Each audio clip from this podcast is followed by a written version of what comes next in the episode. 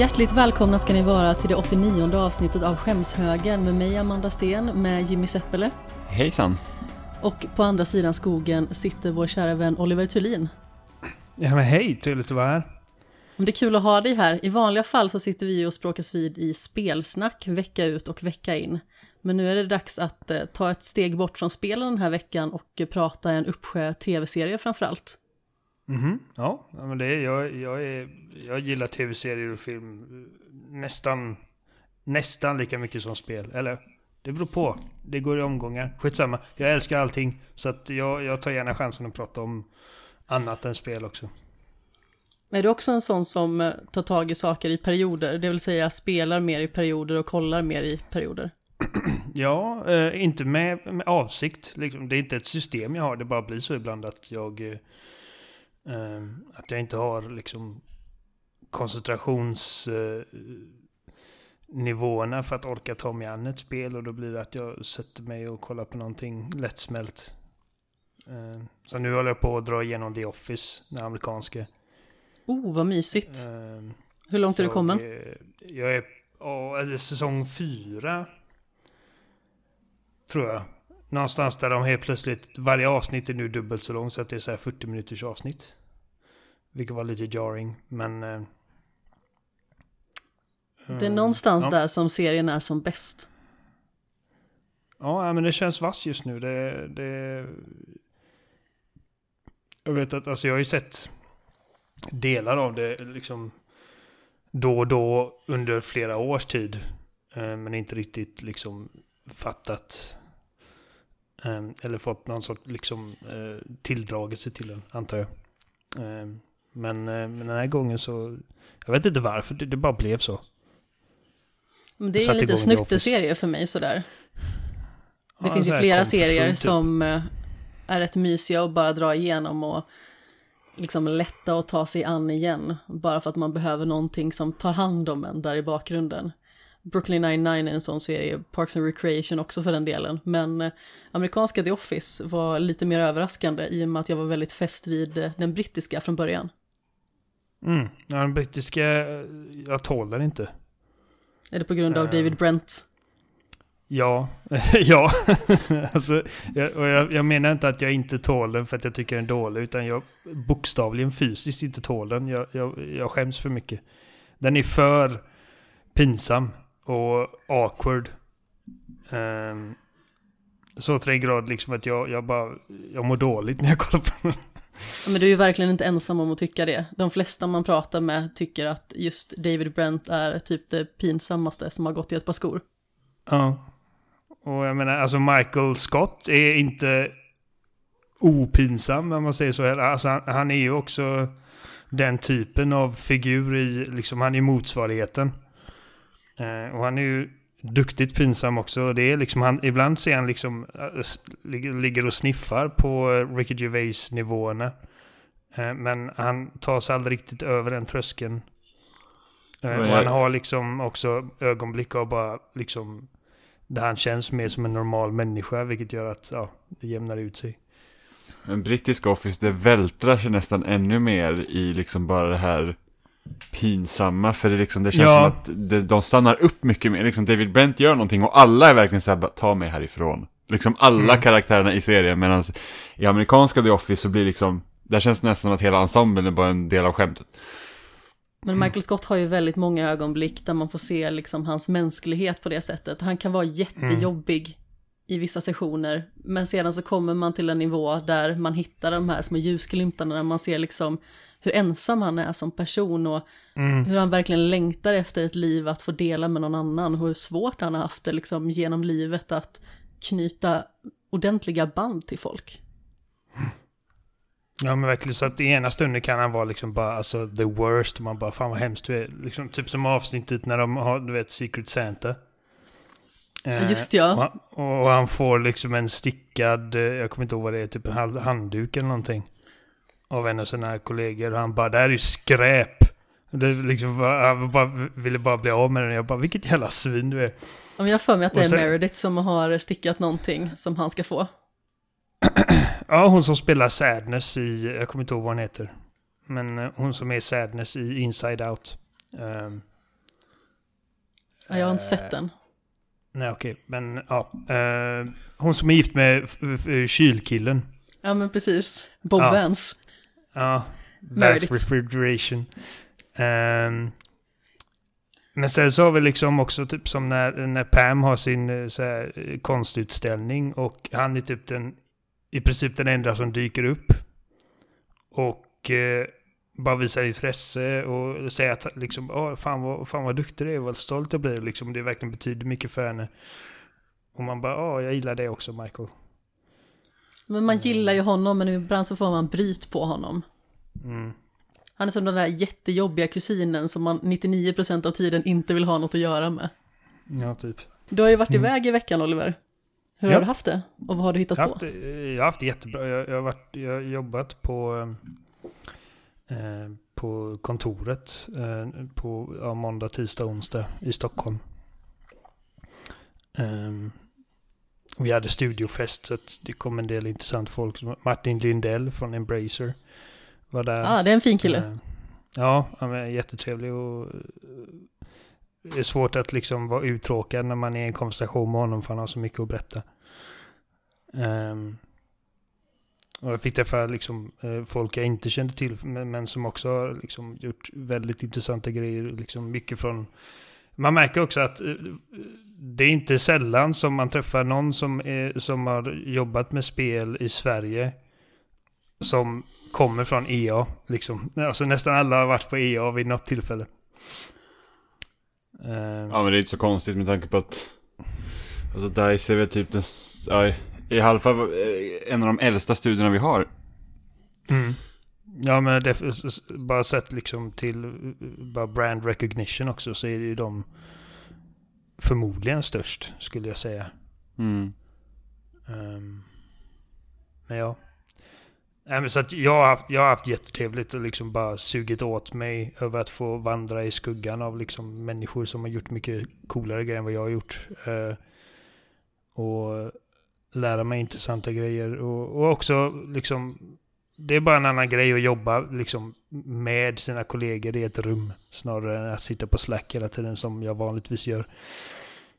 Um, ja, det känns igen. Som, ja, men som grejer som att okej, okay, liksom, vi har världens marknadsföringsövning där vi skulle tillsammans slänga ihop liksom en mockup på ett eh, omslag till, till vårt spel Book of Travels. Um, och eh, så vi har en kille som är väldigt bra på Photoshop och så är det jag då som är väldigt bra på copywriting. Och Amanda som är press... Eh, Amanda. Anna. Förlåt Amanda.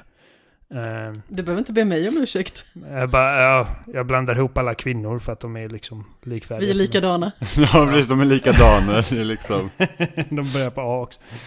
Anna är pressansvarig och liksom, vi kunde typ eh, slänga, eh, bolla idéer och liksom ge varandra feedback och grejer. Så att liksom någonting som annars, eh, om vi hade gjort samma grej var för sig så hade det liksom inte alls blivit bra. Eh, och om vi hade gjort det tillsammans fast liksom eh, remotely så hade det inte gått alls lika snabbt. Så att man, man bara märker hur mycket mer produktiv man kan vara när man är på plats. Ja men precis, jag tror Jimmy känner igen sig en hel del i det där också med samarbeten och sådär. Ja gud ja, mm. jag är ganska ofta på kontoret numera. Eh, eller ja, hela marknadsteamet är egentligen ofta på kontoret. För att vi, det är mycket lättare liksom bara säga att, ja men kan du titta på det här eller vi behöver prata lite om detta. Eh, än att man liksom sitter och väntar på ett mail eller meddelar någonting sånt. Sen så har inte jag någonting emot att jobba hemma heller, men man, alltså vissa grejer är bara lättare när man liksom kan ses. Nej, precis. Jag ville tillägga det att jag är väldigt tacksam över att jag är, liksom har den situationen att jag kan bo kvar i Sveriges bästa stad. Och göra jobb i Sveriges mindre bra stad. Eh, det är kanonbra. Um, Ja men verkligen. Också, jag menar ifall, men jag skojar såklart. Eh, men eh, bara en sån sak som att ifall jag, om jag var tvungen att flytta till en annan stad i Sverige. Så hade, så hade det nog blivit Stockholm. Men jag är väldigt fäst vid Göteborg. Och sen liksom, alltså mina... Eh, mina föräldrar hade mördat mig ifall jag hade tagit William och stuckit härifrån. Ehm, William är min son, eh, för de som undrar. Men Så att det, som sagt, det, det är så, liksom att man lever i en tid, liksom att man ändå kan liksom göra ett heltidsjobb från en helt annan plats på planeten. Även om, ja, nu är det inte så långt bort men. Nej, men samtidigt så har ju liksom coronapandemin också visat att det är lättare att jobba på distans än vad de flesta kanske tror. Och att eh, företag liksom har luckrat upp den där biten lite grann tror jag har gjort många gott. Jag jobbar ju numera två dagar på huvudkontoret. Till slutet av 2019 jobbade jag fem dagar i veckan. Och sedan började jag jobba två dagar. Och det blir ju jättestor skillnad för mig i pendlingstid. I och med att jag hade pendlat innan dess i ungefär 14 år, flera dagar i veckan, ibland fem dagar i veckan, mestadels av tiden fem dagar i veckan, så var det ju jättestor skillnad för mig liksom i effektivitet och i tid jag kanske kunde lägga på andra saker än att sitta i bil eller sitta på tåg. Så jag tyckte mm. att det var jätteskönt liksom att kunna ha den friheten och sedan så blev det faktiskt lite jobbigt under pandemin där ett tag i och med att jag nästan bara jobbade hemifrån. Så nu efteråt så gick jag ju upp till två dagar i veckan igen. Och jag tycker att det verkligen har varit liksom ett lyft i liksom hur man interagerar med sina kollegor, man får lära känna dem bättre och man får umgås lite mer med dem utöver liksom den tid som man bara liksom vistas i korridorerna, utan det liksom blir mer tid där man kan bara stanna upp och snacka lite när man liksom passerar köket eller vad det nu kan vara. Bara för att man känner att man har möjlighet att ta sig den lilla extra tiden för att man behöver inte panikjobba på samma sätt när man liksom väl mm. är på stället. Eh, och framförallt ja, liksom i och med att man lär känna sina nya kollegor, för det har ju tillkommit några stycken. När man liksom lär känna dem också så blir det ju lättare att interagera med dem. Så då är det ju ännu mer trivsel inblandat. Så det tycker jag har varit liksom väldigt skönt att eh, känna att man kan hitta den liksom, den tryggheten på jobbet också liksom. Samtidigt som jag har bekvämligheten att kunna jobba från Alingsås då och inte behöva pendla varje dag. För att pendling kan vara väldigt slitsamt. Och när man har pendlat länge och mycket så det tär ju på en på ett sätt. Alltså det är ju belönande att komma till kontoret och liksom få se alla liksom bekanta ansikten. Och just det här som ni pratade om innan, liksom att man är på plats och ifall någon skulle säga att den här grejen behöver ha klar, kan du göra den? Då behöver de liksom bara gå typ tio steg till mitt kontor för att säga det. Ja, man får direkt respons också. Liksom, ja, men precis. Um... Och även när man ska ta sig an nya arbetsuppgifter så kan man ju sitta ihop och gå igenom det lite mer. Skulle jag ha fått nya arbetsuppgifter liksom under coronapandemin så hade det varit helt annorlunda. Då kanske man behövt sitta via Teams och ha skärmdelning och sådana grejer istället. Det blir mycket mindre personligt på det sättet. Mm. Ja, men jag, jag, jag, jag förstår att jag menar, det finns ju många eh, chefer och sånt som gärna ser att, vi, att man försöker gå, mer till, gå tillbaka till det mer normala. Liksom att alla kommer, faktiskt kommer in på kontoret. Eh, och jag förstår lite för att det krävs en viss typ av disciplin. Att kunna vara liksom lika effektiv hemma. Jag, jag tror säkert att det finns massor av människor som, är, som jobbar, liksom gör sitt bästa arbete hemma. Um, men, men det jag tror jag liksom också. Att, ja, men jag vet liksom att jag, jag exempelvis, jag, eh, jag får saker gjort mycket mer effektivt när jag är på plats Eh, vilket, jag menar, jag får grejerna gjorda, det är bara att det tar mig längre tid så att det blir många sena kvällar liksom för att jag sitter och prokrastinerar. Eh. Ja, men precis. Eh, för egen del tror jag det kan vara lite olika från dag till dag, liksom dagsform helt enkelt. Precis som vi pratade om i spelsnack nu eh, senast, det här med liksom att eh, vara introvert, eh, så som jag är. Så betyder det liksom att ja, men, min sociala energi, den kanske är lite otillräcklig ibland. Och i och med att jag kan vara en del för mig själv, exempelvis när jag jobbar i Alingsås då, så får jag möjlighet att mycket mer ladda upp den. Och nu när jag är inne på jobbet, då har jag också möjlighet att socialisera mer med mina kollegor. Och det kan ju också både liksom vara eh, positivt för produktiviteten. Men det kan ju också liksom vara att man står och diskuterar och sedan tar det kanske tid. Men eh, jag tror att det liksom kan finnas eh, två sidor av det där. Eh, och sen även hemma liksom. Eh, jag tror att många kan vara supereffektiva just för att inte de har det sociala liksom som de känner att de behöver underhålla liksom i en fysisk jobbmiljö. Men eh, jag, tror liksom kombinationen av båda är väldigt bra, men jag förstår också att man vill att folk ska komma in mer till kontoret igen, just på grund av att man bygger band till varandra på ett annat sätt när man ser varandra. Mm. Och det här liksom med att få direkt respons, direkt belöning, direkt kontakt, det är lättare framförallt tror jag att det inte blir missförstånd också. När ja, man absolut. står öga mot öga. Alltså jag är väldigt glad att jag kan eh, göra lite av varje. För att eh, det känns, tycker jag, ännu mer belönande i respektive situation. Det känns mer belönande att jobba för sig själv när man också har fått umgås mer med sina kollegor. Och det känns också mer belönande att vistas och arbeta med sina kollegor när man har fått vara lite i fred. Det tycker jag känns eh, väldigt kanon. Mm. Men i dagens avsnitt så kommer vi att prata ganska mycket om serier, precis som jag nämnde tidigare. Och eh, i alla fall två av serierna, där vandrar man ju runt lite granna i 1900-talet och eh, besöker lite olika tidseror. Och avsnittets diskussionsfråga lyder då alltså som följer. Om du fick leva i ett annat årtionde än det du lever i nu, vilket skulle det vara? Och då är alltså premissen att man är lika gammal som man är nu helt enkelt. Jag Så att det är typ en tidsmaskin-grej liksom? Ja men exakt. Mm. Eh, jag har tänkt på det här en hel del för att man tittar på liksom hur mycket hemsk skit som händer. Eh, och så tänker man, ah, jag är född vid fel tid. Och sen tittar man bak och sen bara, ja fan det har varit precis lika illa hela vägen. ja, ja, men exakt.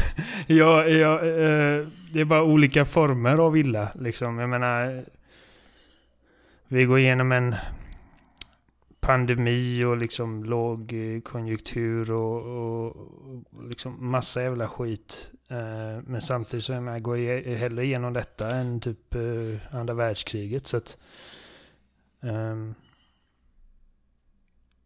jag vet inte. Alltså 80-talet var ganska färggrant åtminstone. Eh, inte... Ja, och då hade vi bara ozonlagret att oroa oss för. och det fixade vi! ja, men liksom det, det var inga så här, enorma krig som hände just då. Uh, ja, fast samtidigt så kalla kriget kan inte varit kul heller. Det var, det var ju otroliga spänningar otrolig ångest var det jag precis liksom. Jag kan tänka mig, jag vet att om man frågar liksom eh, särskilt folk i USA när man pratar, pratar med dem och eh, liksom hur de, vad de var oroliga över under sina tonår så var det liksom typ kärnvapen och ehm, och ryssen och så vidare. Um, Alltså mitt, mitt tråkiga svar är att jag, jag, jag, känner mig ganska nöjd här just nu. Um, Men om jag var tvungen... Alltså jag gillar liksom 50-talets estetik. Gör jag. Eh, tonen. Men då tänker jag liksom... Och även till viss del 60-talet. Men, men i och för sig, jag vet inte om alla hade liksom, typ om jag var i Göteborg liksom så hade allting hade inte sett ut som Mad Men heller. så att, jag vet inte, men... Det utspelar sig väl på 60-talet? Ja, det kanske den gör. Uh, nej, jag vet inte, men, men någon av er kan väl, kan väl säga vad ni känner och så kanske jag får en snilleblixt. Jimmy. Ja, jag, tror, dela med dig. jag tror också att bästa tiden att leva är typ nu. det är liksom... Eh, det är så att... Så länge, i och för sig, är man rik så har man det betydligt lättare i liksom andra liksom, årtionden också. Men liksom man känner sig att ska man vara typ, kommer man från Precis fattig bakgrund så är det ju liksom så här att då, då är det bara ännu sämre skit liksom, sen tidigare. Eh, men hade jag fått varit rik och liksom kunna hänga med liksom eliten någonstans så hade det, då hade det varit betydligt spännande liksom att gå bak i tiden och säga att hmm, hur hade det varit då? Eh, hur långt bak ska du gå här? Alltså jag är så, alltså jag, det här låter så himla skumt, men det är samma sak man tänker sig att, oh, men hade jag kunnat resa en tidsmaskin, vilken tid hade det då? Jag hade fan velat vara liksom omkring Jesus krets alltså. Och bara liksom få höra ja. vilket jävla bullshit det hade varit. Om jag hade fått åka tillbaka i tiden, liksom vad jag vet nu, och sen så bara okej, okay, jag hade kunnat varit en av Jesus för, jag, jag lovar, jag hade varit Judas, jag hade bara att nej men det där är jävla galning, han hade liksom sett till att spika upp den jäveln. Gingis. ja, precis, ja men jag, jag hade varit Gingis Khanskat, nej men, Gengis säger man till och med. Men i alla fall, det hade jag tyckt var så otroligt spännande liksom, bara så att okej, okay, men vad, vad, what's the deal här egentligen? Hur var det? Liksom var det här bara en knäpp människa eller var det liksom så här manipula manipulativ människa som liksom bara såhär, oj men här kan jag få lite makt liksom. Ja men precis. Jag måste bara säga att Gingis är ju ett internskämt. För det var ju när du och jag var uppe hos Emma och Robin så spelade vi ett spel som heter Blatherround. Som är ett sånt där jackbox-spel. Eh, och då var svaret Genghis Khan. Eh, och eh, du fick till en väldigt rolig stavning. Så där efter det så har du fått eh, smeknamnet, eller öknamnet beroende på hur man ser på det, Gingis. Ja, jag hade aldrig skrivit Gengis Khan förut, så jag skrev Gingis Khan istället. Men väldigt rolig stav. Jag fick rätt. Ja, ja, absolut. Ja. Men det fick jag också när svaret var prinsessan Leia och jag, jag skrev prinsessan Diana. Ja, så kan det vara. Så det spelet är inte helt pålitligt, vill jag säga. Men, uh, men när, när jag sa liksom medhållande A så var det liksom inte... För att jag, jag visste inte att, Jim, att Jimmys liksom, uh, grej var att oh, jag ska spika fast en jäveln. Utan jag var bara åh oh, vad intressant det hade varit liksom, att bara prata med honom. Ja, ja men precis. Alltså det var ett skämt. Men det hade varit intressant att se liksom hur det... Alltså bara så här, hur var det faktiskt liksom? Ja, liksom för att... Det visar att han är skittråkig och någon annan så här. Jesus hade en ghostwriter som var hjärnan liksom... bakom allting. Han ja, bara, men ja. I got the looks. jag fick liksom bli posterboy. För det blir, det blir en annan konversation liksom. Om man om, liksom, omvärderar frågan lite. Liksom, ifall jag hade, för jag hade inte velat leva på den tiden. Liksom, och liksom vara fast där. Men om jag hade kunnat besöka bara liksom om det var så var för en dag. Och Eh, om det fanns liksom någon form av garanti att jag inte skulle typ bli bränd på bål för att jag uppenbart är från framtiden. eh, för att det är sånt jag tänker. Varje gång jag får en sån här fråga så är det liksom, vad kan jag göra som inte kommer liksom eh, resultera i min död? Ehm, men om vi säger liksom att okej, okay, du, kan, du kan besöka de här platserna och med här, en magisk garanti säga liksom att du, du, du, kommer inte behöva stanna där. Du kan vara där så länge du vill och du kommer inte råka illa ut. Och du kommer inte ändra historien eh, till det sämre bara för att du råkar vara där. Eh, då är liksom, alltså tiden runt Jesus hade varit jätteintressant. Jag hade, jag, jag hade också älskat att besöka liksom eh, antika Grekland. Eh, och, och se liksom eh, här, filosofi och eh, teater och sånt utvecklas. Um, Hälsa på Archimedes. Ja, men, men sådana grejer hade ju varit jätteintressant. Uh, besöka Leonardo da, da Vincis ateljé eller... Uh, um, ja. ja. Mitt svar är ju betydligt tråkigare än vad ert svar är, måste jag ju säga. 90-talet. Alltså jag... ja, faktiskt. Jaha, okej. okej, okay, ja. Fortsätt. Det känns som att jag hade kanske passat in då. Eh, ganska så bra. Och eh, dels så var ju videospelsindustrin på frammarsch ganska så rejält. Och eh, så som det är idag så tycker jag att det är väldigt mysigt med retrospel. Eller det som vi idag då kallar retrospel helt enkelt. Och eh, dessutom så startade flera av mina favoritband sina karriärer på 90-talet. Plus att tekniken gjorde stora framsteg, men det finns liksom fortfarande en fot kvar i det gamla och analoga som jag är lite svag för. Men naturligtvis hade man kunnat liksom resa var som helst eh, med förutsättningen naturligtvis att man inte då kan dö eller förändra helt och hållet så att inte vi typ i dagens samhälle rider runt på dinos. Eh, så... Men man är ju nyfiken liksom på, tänk om man bara kunde besöka en plats eh, vid någon, liksom, någon spännande händelse bara för en timme.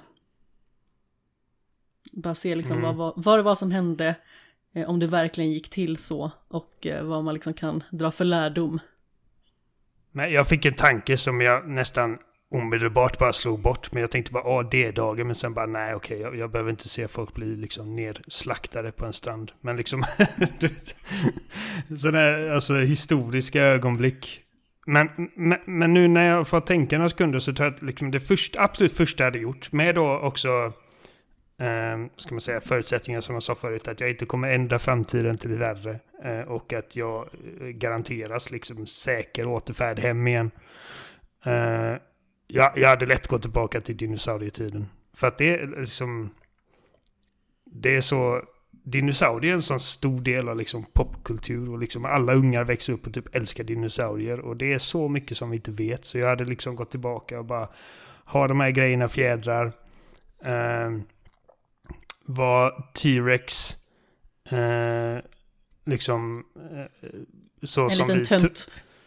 Ja, liksom alltså, för att det, det, det, Som sagt, vi kan ju inte veta. Det, det, finns så mycket vi inte, som vi bara inte... Det bara inte går att förstå. I alla fall just nu, liksom med den teknologi och den vetenskap vi har. Um, att, ja, vi kan ju uh, göra jäkligt bra killgissningar. Men att kunna se ja. det på riktigt hade ju varit häftigt alltså. Men har du börjat se den här Prehistoric Planet på Apple TV+. Ja, och den är magnifik. Um, alltså verkligen sagolik Och, och det... Det är liksom... Um, jag vet inte liksom, eh, för att vi, vi gör ju liksom kvali, jag eh, ska säga, kvalificerade gissningar baserade på fossiler såklart. Uh, och i vissa enstaka fall har man till och med hittat, lyckats hitta liksom bevarade typ så här, uh, liksom, um, hud, uh, eller tissue, vad heter det på svenska, vävnad. Ja, precis. Som, som ger oss liksom ytterligare en, en liten pusselbit i det stora liksom mysteriet kring hur de här djuren levde och såg ut. Um, men om man kollar på, jag har sett sådana här liksom mockups på om man har typ 500 eller 50 miljoner år hittar liksom skelett på typ en, en flodhäst. Så kommer det, alltså så liksom, för att de skeletten liksom, de, de ser ut som aliens i princip. Om man bara skulle sätta liksom kött på dem. Uh, och det, det, det, är många djur som lever idag som om man, om man skulle liksom applicera samma uh, förmodanden som vi har gjort genom liksom eh, alla tider sedan vi upptäckte dinosaurieben. Eh, så hade han sett väldigt annorlunda ut. Så att vi kan omöjligt veta. Och eftersom liksom, dinosaurier var typ, alltså det, det, var min främsta liksom besatthet när jag var yngre. Alltså, jag var... Men alltså långt innan Jurassic Park blev en grej för mig. Så jag var den som liksom när jag var fyra år satt och typ nördar ner mig i att Ja, Velociraptorer är inte så stora egentligen. De borde använt Deinonychus för att den är mer liksom, den har samma typ kroppsform och eh, är mer eh, i den storleken som de vill presentera här. Som var jag. Eh, och jag, jag, får alltid höra det om, mina, om min pappas kompisar eh, liksom idag. Hur jag som liksom femåring satt och quizade dem över hur man skulle stava Pachycephalosaurus när de kom. Och hur jag skrattade ut dem när de inte kunde. Så att jag var en sån riktig liten skitunge. Um, så att det, det, är en sån liksom, alltså en frustration som jag bärt med mig hela livet över att liksom det finns så mycket vi inte vet och uh, förmodligen aldrig kommer få veta, i alla fall i min livstid. Nej, så. det är fascinerande ändå. Mm, det, det hade jag kollat in, alltså utan tvekan. Ja, men kanon. Jimmy, har du något mer att tillägga? På dinosaurier? Förutom din visit hos Jesus. Ja, nej, nej. Jesus all the way. Då tänker jag att vi ska gå in på dagens ämnen faktiskt. Vi har ju en film och fyra stycken serier att gå igenom, så vi har ju en del.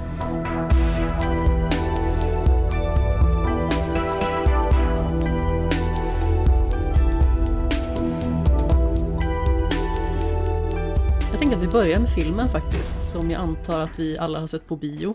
För att den är aktuell just nu och det är Doctor Strange in the Multiverse of Madness. Jimmy, lite kort, vad handlar filmen om? Gud, jag försökte svälja och det hände ingenting. eh, Glömde du av hur man gjorde? Nej, men alltså det, var, det, det gick bara inte, ibland är det så. Eh, nej, men det handlar ju om, alltså det, jag har märkt att det är så himla svårt överhuvudtaget och, och liksom, hur ska du ens förklara liksom en, en, eh, en Marvel-film nu för tiden? Nej men precis, det är så himla många olika aspekter ja. från olika karaktärers precis. Eh, universum så att ja, säga. Men det är, det är i alla fall Doctor Strange andra, liksom egna film så att säga. Men för att förstå den här filmen så lär det nog ha i alla fall sett allt. Nej, men i alla fall måste jag ha sett uh, Infinity War och Endgame och sen WandaVision. Jag vet inte hur lönt det egentligen att se senaste Spiderman. Jag trodde att de här två filmerna skulle vara betydligt mer kopplade än vad de faktiskt är. Och det trodde jag också, men jag tror att det kan vara ganska så bra att se Spiderman No Way Home, är den heter så. Alla ja. har sett den filmen, så att vi behöver inte ens... Nej men precis, men jag tror att det ändå kan vara bra att se den om det skulle vara så att man är den enda personen i världen som inte har sett den. Så se den innan du ser Doctor Strange, för att jag tycker ändå att det bygger upp Doctor Strange som en ganska så rolig karaktär, mycket mer. Och jag tycker ju att eh, Doctor Strange är ju nästan ännu bättre i senaste Spiderman-filmen än han är i sina egna filmer. Får ja, man precis. svära så? Ja. Men eh, det som händer här i alla fall är det att det verkar som att eh, man kan via drömmar se liksom sina... Kolla, så är det. det. Det är en ung kvinna som utan att hon egentligen kan kontrollera det kan hoppa mellan olika universum. Hon kommer i kontakt med Doctor Strange. För att hon har haft kontakt med massa olika liksom, eh, Doctor Strangear i olika universum. Och eh, någonting ondskefullt vill ha hennes makt. Och liksom alltså utvinna hennes makt ur henne. Det här med att eh, dina drömmar är typ små liksom blickar in i olika universum. Det, inte, det, det är inte direkt, det är inte handlingen liksom. Men... Eh, men det är premissen. Det var att jag kommer inte ihåg typ det. Jag bara såhär, vad handlar den egentligen om? Ja, nej. nej alltså, premissen är simpel. Det är liksom tjejen, hon, hon heter America. Um, som av någon anledning har möjligheten att uh, hoppa mellan universum. Och det är ingenting hon kontrollerar utan det, det bara händer när, när, uh, när hon är rädd eller liksom när, när det behövs. Um, och det är givetvis en, en kraft som, som är väldigt uh, åtråvärd för människor eller varelser entiteter som är lite maktgalna. Um, ja men precis, och, och vill använda det till sin egen vi, fördel helt enkelt. Ja, vi ska, inte, vi ska inte prata spoilers om den här filmen va? Nej, jag tänkte att vi pratar lite löst Nej. om den, bara tar en liten munsbit och bara säger vad vi tycker om filmen som helhet. Mm. Så vad tycker vi om uh, den? ja, ni kan börja. Eh, alltså jag tror att ju mer jag tänker på den här filmen, ju mindre tycker jag om den faktiskt. Eh, jag tror att det känns som att den hänger liksom på tredje akten för länge. Det är liksom, och, och, och, jag tror att man kommer liksom till den här punkten nu i MCU att du, du liksom så att det, allt hänger ihop för mycket för att du liksom, du, du kan i princip inte missa någonting. Det är lite så jag känner. Ja, när vi gick ut från biografen sa du exakt det. Det kändes som att hela filmen var en tredje akt. Ja, men det kändes som att man hade akt 1 och akt 2 ganska liksom snabbt och sen så hängde den på tredje akten väldigt, väldigt länge. Eh, sen så finns det att den gör liksom bra saker så att skurken i den här se eh, liksom i filmen är ju liksom inte en ny skurk om man kan säga så, utan det, det är liksom, det, det är ju, det är någon som man känner till sedan tidigare, vilket gör att, ja men okej, har man sett alla de här grejerna nu så, så får man en mycket större kanske koppling till liksom boven. än vad man har fått tidigare. Eh, och hänger man liksom med, alltså hela MCU är ju nästan som en enda lång liksom, typ tv-serie nu för tiden. Så att, har man hängt med he hela och har koll på det mesta så kan det liksom ge... Så får man ju helt andra liksom... Man känner helt andra saker för de här karaktärerna nu för tiden. Men jag känner samtidigt så att det, det är liksom också det här att... Jag vet inte. Jag, jag, jag, det, hela den här grejen med att hoppa runt i olika universum och så, det gör också att det rör till det. Och, och, och liksom det finns inte den här, den här riktningen som det fanns vid, nej men när de byggde upp till Thanos och du hade de här liksom tre stycken stenarna som du kunde hålla koll på, ja men här är den här stenen, oj vad gör den, oj den här har vi sett tidigare och nu dyker den upp här, så liksom den kopplingen kunde man också se mellan olika filmer, men att här är det så här bara, okej okay, men nu har vi nu har vi jättemånga olika delar i MCU som använder liksom the multiverse som grej. Du har ju Loki och sen så har du eh, till viss del WandaVision och sen så är det då Doctor Strange och Spiderman och det är så här att okej okay, men jag har väldigt svårt att se hur de ska ta det här och foga ihop det samman. Och även What If håller ju också på med multiverses och, och, och Watcher och, och, skit. Så att det är så att, hmm, hur ska de knyta ihop den här säcken sen? Jag kan ändå gilla med filmen att det är en skurk som eh, inte är en elaking på det sättet. Utan det är ändå en skurk som man på något vis känner med. En person som går för långt och som gör saker väldigt mycket för sin egen vinning. Och det är liksom en karaktär som man i filmen tycker illa om. För man tycker liksom att skurken i fråga bör se hur stort problem det är. Liksom att vilja det. Eller vilja ha det som skurken vill ha. Eh, men man känner ju liksom ändå med den sorgen som skurken bär på. Så jag tycker ändå att den har liksom sina poänger. Eh, men samtidigt så här, den här nya karaktären America Chavez är det väl hon heter helt och ja. hållet. Jag tycker inte riktigt man fick jättebra grepp om henne. Hon var liksom inte tillräckligt intressant för att jag skulle bry mig. Jag tycker liksom själva kraften var nog rätt spännande och framförallt liksom när man får veta mer om henne och vad som har hänt henne. Eh, då blir det liksom lite mer förankrat i någonting som är lätt att bry sig om. Men jag kände liksom att man kanske hade behövt lite mer uppbyggnad till henne. Eh, men sen är det ju också naturligtvis Doctor Strange film. Och jag gillar ju Benedict Cumberbatch, jag tycker att han gör en jättebra Doctor Strange. Första filmen tyckte jag väl var okej. Okay den var godkänd liksom. Det var ingenting jag skulle gå och se på bio två gånger. Men när han liksom gick in i det här delade universet där man liksom får ta del av honom ihop med alla andra karaktärer och hur han liksom vistas med dem och samspelar med dem tycker jag att han fungerar väldigt bra. Och i synnerhet i Spiderman för han har liksom en ton som fungerar kanon. Liksom väldigt skämtsam, men också lite dryg. Han är lite en översittare. Det är en person som alltid vet bäst. Men samtidigt så gör de det liksom med den här typiska eh, serietidningskomiktonen. Eh, och jag tycker ju liksom att eh, Cumberbatch gör en kanonroll liksom, eller en kanontolkning. Eh, och han är inte dålig på något vis i den här filmen heller. Det är bara det att jag tror att i Spiderman-filmen så... Eh, det var någonting där som blev det här mentorslika. Nästan som eh, det som Iron Man var för Spiderman innan liksom. Han, han, är en väldigt bra eh, liksom supportroll. Ja men exakt. Liksom han, Sen är ju inte han så mycket i centrum heller. Du tänker, menar du i den här filmen eller i? Nej, men han är liksom inte i centrum på det sättet som han var i sin första film till exempel. Ja, nej, du menar så, nej. Um, det här känns alltså, ju mer som en överlappande film. Det du nämnde eh, alldeles nyss, liksom om att han är liksom lite av en översittare som alltid vet bäst. Jag tror att det är väl lite av den resan han gör i den här filmen. Att liksom lära sig att släppa taget och eh, lita på andra att göra rätt sak Um, utan hans liksom, påverkan om man ska säga.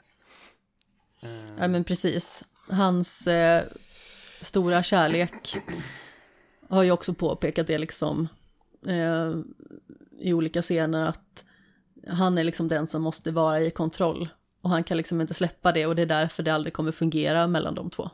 Mm. Christine Palmer. ja. Som hon heter. Eh, spelad av, eh, vad är det nu hon nu igen heter? Rachel McAdams. Rachel Adams. Precis, just det. Är det Adams? Det nej, det är nog, nej, det är nog McAdams. okay. uh, jag tycker det är ganska svårt att prata om liksom specifikt vad, vad, uh, vad, som, vad man gillar och inte gillar med filmen utan att gå in på spoilers. Um, men uh, Eh, jag, jag, tyckte, jag, jag hade trevligt.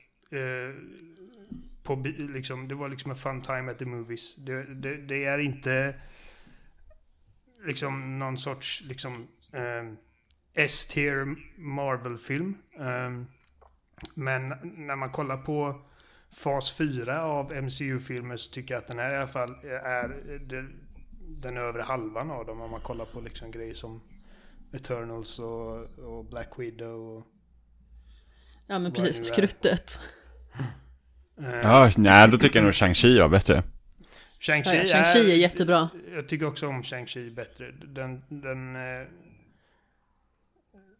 ja, den var jättebra. Uh, men, men jag tyckte att, jag tyckte att den, var, den var bra. Liksom serviceable.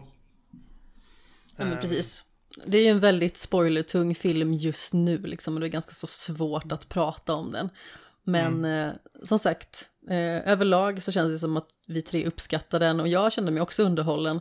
Sen så såg vi ju No Way Home eh, dagen innan och samma dag, liksom uppdelat i tu. Och eh, jag tror liksom att eh, jag kände liksom mer värme i den filmen. Och jag tror att det påverkade mig ganska så starkt. Um, och vi såg ju den även på bio liksom i eh, vintras när den kom och jag tyckte liksom att uh, det var den bästa Spiderman-filmen om man bortser ifrån Into the Spiderverse. Så det var liksom en film som jag i alla fall tyckte mycket om. Uh, mm. Det var en väldigt fin film. Jag hade nästan önskat att de skulle typ, alltså jag vet att när de utannonserade Multiverse of Madness att den skulle vara mer skräckinriktad.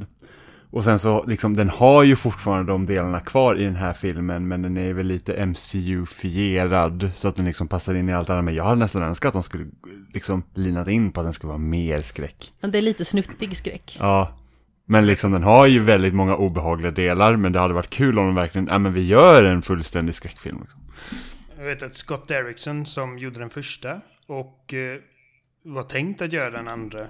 Det var han som sa att, eh, att, vi, vi, att jag vill göra liksom en, en mer skräck-MCU-film. Um, ehm, och sen slutade det med att Sam Raimi tog över projektet över kreativa uh, skillnader som det alltid kallas. Uh, både Sam Raimi och Scott Derrickson kom ifrån skräckbakgrund.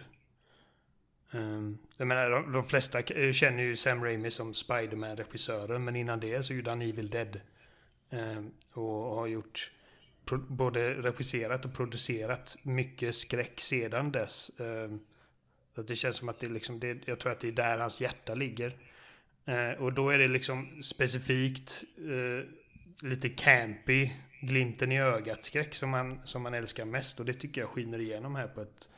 För att, så att utan att spoila någonting i filmen så det, det jag känner att jag kan säga är att jag tycker att det är liksom den läbbigaste filmen i MCU. Mycket liksom um, ska man säga, bildspråk, imagery som, uh, som de yngre absolut uh, kommer påverkas av tror jag. Och jag vet att liksom, det är många föräldrar som har rasat över att den inte är rated R. Liksom att det, det här borde definitivt varit en rated R. Uh, och inte bara för att den är liksom uh, läbbigare än det genomsnittliga i MCU-film. Ehm, för att skurken i filmen är i princip liksom en, en skräckfilmskurk. Eh, ja men precis. Men, men också bara för liksom våldet som visas. Liksom att folk blir kapade på mitten, huvuden sprängs och imploderar. Och Man blir spetsad blir liksom på påle. Och... Spetsade och folk blir liksom brända. Liksom väldigt detaljerat liksom bränd till en jävla crisp. Eh, och jag blev liksom lite tagen på sängkanten med det. Liksom, inte för att jag eh, inte gillar, jag älskar sånt. Det var liksom, det, det, jag tror att det är en av de största grejerna till varför jag hade så kul med filmen. Att den är liksom så... Eh, bara ogenerat übervåldsam. Um, ehm, med MCU-mått mätt då givetvis. Um, jag hade ju gärna också sett att den hade varit lite mer rakt av skräckig.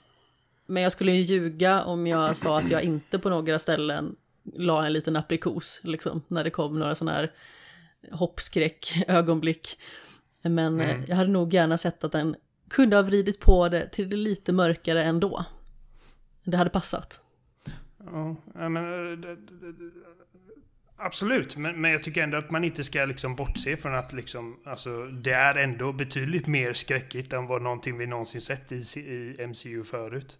Ja, ja absolut. Um, och jag menar, det var liksom, det är särskilt en scen i filmen som fick mig att tänka på liksom några av liksom, de våldsammaste grejerna i, uh, i vad heter den, uh, Amazon-serien? Um, Invincible. liksom bara de här supermänniskorna som bara gör slarvsylta av varandra på väldigt uh, roliga sätt. Um, och sen också att den är den, liksom veligare liksom än, än den genomsnittliga MCU-filmen. Liksom alla, alla MCU-filmer har ju liksom skämt och quips och grejer men här är det liksom nästan så campy.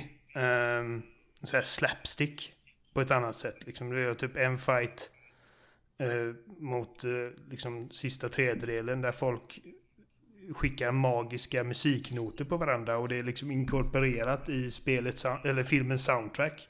Och liksom en väldigt lekfull scen som jag kan tänka mig kommer dela upp folk. Men Jenny satt bredvid mig och bara himlade med ögonen. över hur jävla töntigt. Och jag, och jag kände bara det här är ju hur roligt som helst. Liksom. De slåss med musik. Um, och Ja, nej, så, att, så att jag uppskattade verkligen liksom eh, dels våldet men också liksom hur, hur kul den är. Um, I våldet och, eh, och, och fightscenen. Liksom den är... Den är otroligt kreativ. Och det är ju kul. Kreativ. Alltså det är ju en kul film att se. Mm. Uh, men sen liksom, alltså just det här med multiverse det, allting är multiverse just nu. Det finns liksom, jag vet att DC håller på med liksom Spider, Spiderverse gjorde en grej med det. Och, som, och i det liksom, kontexten tycker jag liksom att Spiderverse är nog en av mina favorit multiverse-filmer. Ja, den är kanon verkligen. Uh, jag, jag inser varför multiverse som koncept är liksom attraktivt både för fans och liksom kreatörer inom de här franchisesarna. Um, för att det öppnar upp så mycket möjligheter och liksom uh, vi får um, en del roliga liksom uh, cameos i den här filmen. Som inte hade funkat utan multiverse uh, greppet. men samtidigt känner jag liksom att när man introducerar sånt så blir det liksom att ingenting spelar någon roll längre. Liksom det, det är typ vem som helst kan dö och det kommer alltid kunna liksom, du, du kommer kunna, nu vet vi att vi förmodligen aldrig får se Robert Downey Jr. som Tony Stark igen. För att Robert Downey Jr. är färdig som Tony Stark, för liksom så vitt vi vet. Men, vi, men också liksom, alltså det, det, finns ingenting som rent liksom narrativt hindrar honom från att bara hoppa in någonstans och så finns han där liksom. Och säga uh, halli hallå och bara dra en liten vinkning. Ja, så att jag tycker att det är liksom... Uh, jag tycker det underminerar mycket av vad som hänt förut, liksom när man börjar röra sig i sådana här kölvatten. Uh, liksom helt plötsligt så finns det inga... Ja, helt plötsligt finns det inga liksom um, begränsningar. Ja, jag tror ändå de kunde kunna hålla det i det ganska bra ändå. Det är liksom, om man har sett liksom Loki så kan man väl ändå liksom på något sätt kunna liksom tänka sig hur att okej, okay, det finns en risk i att hoppa i så många olika liksom, universum och att det är väl lite det som är grejen den här gången. Kanske liksom att okej, okay, vi, vi, vi måste stänga det. liksom, vi kan inte hålla det så. Nej. Ja, men, och, och till deras cred så liksom hittills känner jag inte att de har gått för långt med det. Nej, jag tycker inte jag heller. Uh, så att... Uh, så jag säger liksom inte att oh, det här suger för, för, på grund av att det är multiverse och bla bla. Utan det är bara en sån grej liksom att jag känner liksom att man får vara jävligt försiktig med. Um, Men ja, nej, jag, jag, jag, jag, jag gillar den. Eh, jag gillar den mer än vad Jenny gjorde för att hon uppskattar inte liksom... Dels blir hon inte lika giddy över att se någon få sitt huvud sprängas eh, som jag blir. Um, och dels så eh, är hon har mycket liksom lägre tolerans för liksom töntigt bullshit. Um, sånt som liksom Sam Raimi är känd för. Liksom.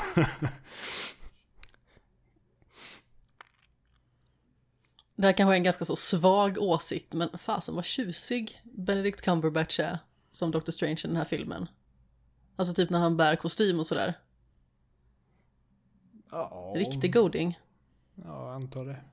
Men jag gillar lite den här, här smyg-silverävs-auran. Ja.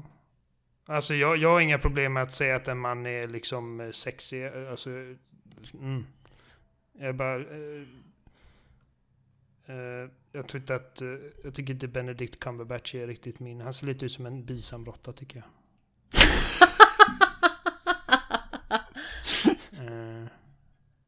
han har en sexig röst dock. Det har han definitivt. Och men, eh, eh, alltså, inte, all, inte alls tycker jag liksom att åh, det här är liksom en oattraktiv människa. Men det, det, eh, han är inte den som liksom får mina kalsonger att spricka dock. Inte på samma sätt men, som när Chris Evans kommer i Infinity War med liksom typ rufsigt hår och skägg. Då blir det... Då blir det åka av. Ja, åh gud. Men Oliver, ja. Shining Girls. Mm. Kan du beskriva vad det är för serie? Ja, oh, gud. Eh, ett kriminaldrama. Eh, det är en seriemördare av kvinnor. Som, eh, som ingen lyckas... De, de, har inte ens listat ut att det är en seriemördare. Eh, men eh, Elizabeth Moss, en eh, aspiring journalist, är den enda som har överlevt liksom ett möte med den här människan. Och eh, liksom, typ i, sin, i sin lättaste form så är det det som är premissen. Och det tar många vändningar och det blir väldigt konstigt. Det finns liksom alltså, så övernaturliga element som jag inte hade räknat med från första början. Nej, och det är väl det som är ganska kul i den här serien, att den liksom hintar ju om det till en början som gör att man liksom säger, oh, den här serien vill jag liksom se mer av. Mm. Liksom så att det har en hint av konstigt från start.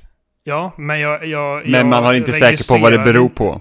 Precis, jag registrerar det inte som att... Eh, Okej, okay, det är någon, det är någon liksom supernatural grej som händer här. Eh, först trodde jag liksom att det bara handlade om att det här är liksom en kvinna som är enormt traumatiserad. Och har svårt att hålla koll på liksom vad som är verkligt och inte. Um, och under seriens gång så liksom börjar det luta mer åt att det är inte hon som har problem med att hålla koll på vad som är verkligt, utan verkligheten faktiskt ändras runt omkring henne. Och ingen förstår varför. Ja men precis, och den här seriemördaren har ju liksom ett väldigt signifikant modus operandi. Alltså tillvägagångssättet mm. som mm. denne då utnyttjar när eh, de här bestialiska morden begås. Eh, vilket också tyder på liksom att det är samma mördare hela vägen igenom och inte någon som kopierar. Och hur gammal är då i så fall mördaren? Och stämmer det överens med vad vi ser?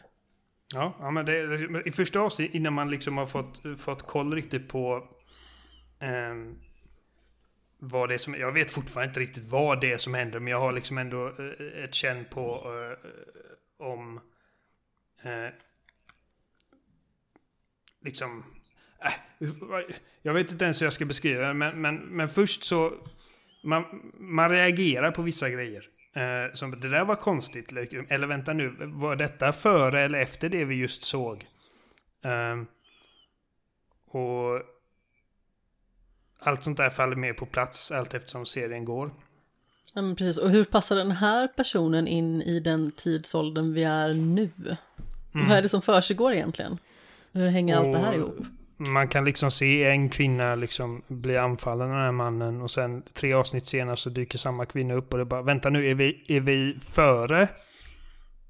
Eller hmm, har jag missuppfattat någonting liksom?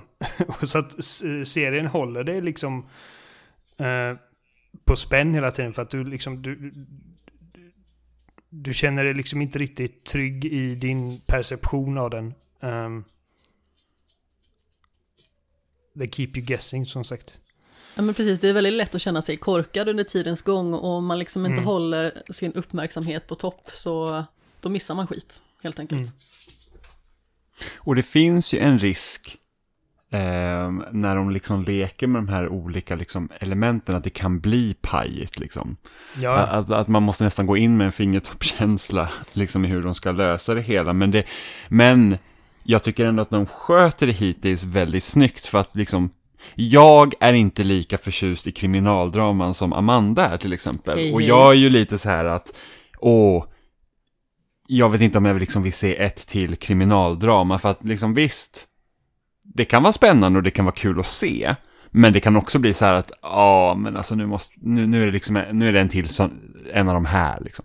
Men eh, det, det, är ju ändå ett, den har en ganska bra liksom eh, vinkel till sig. Vilket kriminaldrama är det bästa som jag har tvingat på dig? Oj, ja, men alltså alla kriminaldraman som vi har sett har ju varit väldigt bra. Det är ju inte det. Men liksom, det är ingenting som jag, som jag bara så att, oh, jag visste, alltså, typ som min pappa, han älskar typ allt som har med andra världskriget att göra och han ska kunna leva på att bara se andra världskriget, liksom filmer. Du kollar inte på någonting bara för att det är ett kriminaldrama? Nej, exakt. Jag, jag är lite som en svamp i den genren. Uh, jag, ja, jag vet, inte, jag vet inte hur du känner, men jag, jag älskar kriminaldrama, men jag kollar inte på vilket, alltså jag kollar inte CSI och sånt skräp. Uh, Nej, men jag ska väl inte riktigt räkna CSI liksom som att liksom den typiska kriminaldrama man måste se, utan det är väl bara en sån grej som existerar för de som typ inte har något bättre för sig.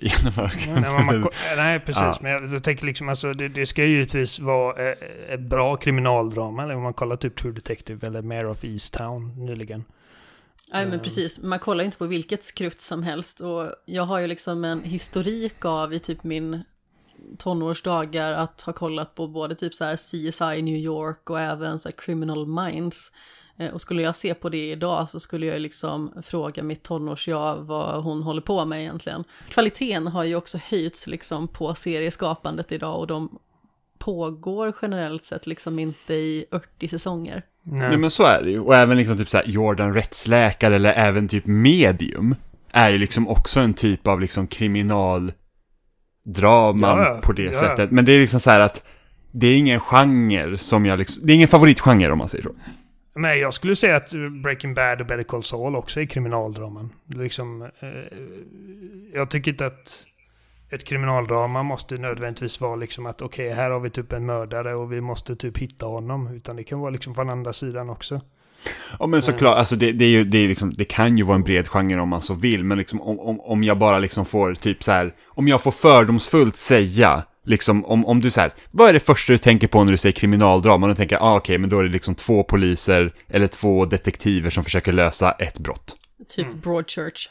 Exakt, och Broadchurch var ju väldigt, väldigt bra. Fantastiskt. Men det är liksom, det är liksom, min, i, i, min fördomsfullhet så är det liksom det första jag tänker på och liksom det är jag inte intresserad av att vältra mig inom hela tiden, om, man först, om, om du förstår vad jag menar. Ja, men precis. Mm. Måste säga David Tennant och... Eh, hjälp mig med namnet. Olivia Colman. Olivia Colman, precis ja. I sitt esse. Ja, ja, och Broadchurch var jättebra, men det är så här, det är så här, Beck, Morden i Midsommar, det är liksom den typen. ja, ja, Återigen, väl... vi återvände till mitt tonårs-jag när jag såg Beck. Eller jag såg Beck väldigt tidigt. Jag tror jag såg min första Beck-film när jag var typ sju. Samma här. Och då har inte jag sett mycket Beck. Och sen Morden i Midsommar, alltså jag vet inte, på den tiden när eh, kvällspressen försökte se till att man köpte deras tidningar så att man liksom fick med då Morden i Midsommar, liksom en DVD typ varje fredag. Eh, så jag har sett en del Morden i Midsommar-film också, det kan ju också vara kul. Liksom. Jag kanske har sett ett avsnitt, men just Beck såg jag ganska så mycket liksom i min ungdomsdag. Och jag rekommenderar inte att se typ öga för öga eller spår i mörker när man är så ung liksom. Mannen utan ansikte, den påverkade mig. Ja, den är också obehaglig. Uh, Fy sablar. Alltså, alltså, nej, jag tänker inte sitta och snacka skit om Beck. Det är bara liksom att man har en högre, liksom, man har högre krav på grejer då. Inte minst på grund av att det finns så jävla mycket. Alltså det finns så mycket att titta på, så mycket att läsa, så mycket att spela. Så att det är liksom, man får liksom arbeta sig från toppskiktet neråt. Ja, men ehm. precis, och tillgängligheten idag är ju liksom helt annorlunda än vad den var förr.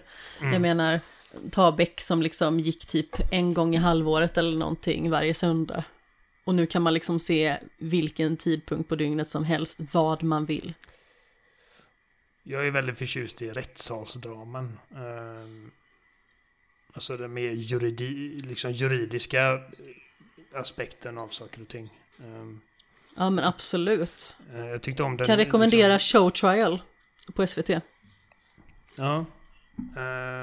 Jag, jag, jag, tyckte om um, nya nytolkningen av Perry Mason. Um, ah, okej. Okay. Ja, just. Ah, just det, den finns ju på HBO. Jag vet att du rekommenderade den till mig, Oliver, och den jag har bara inte hunnit se den. Jag tror att den skulle nog också du kunna tänka dig att vilja se, Amanda, så den kan vi se tillsammans. Ja, ja men definitivt. Eh, men... Gillar, är det Jonathan Rees han heter? Ja, ja, ja, precis. Och han är ju skitbra. Rees, no, någonting Rees. Um, ja, ja, men... Något ris. Nej, men jag kommer inte ihåg ifall det är Jonathan eller om det är någonting annat. Men uh, alltså, liksom, han, han, han, han är sexy. Alltså han är... Han blir jag svag i knäna för. Um, den är lite ojämn den serien för att den, den, den liksom har två fokus. Ett på honom och ett på någon brud som typ leder en så här, typ Matthew Reese. Matthew Reese heter han. Precis. Jag var inte säker på Jonathan. Men skit, ja. Um, men alltså, det, det, är rätt så kul för att han är ju liksom sån här... Alltså, jag har sett honom i, en del grejer. Liksom. Jag såg honom första gången i den här ABC-serien uh, Brothers and Sisters. Mm. Uh, som med, med oh, vem, vem, var liksom frontfiguren för den serien från början? Hon som hade huvudrollen i Ally McBeal, vad heter hon?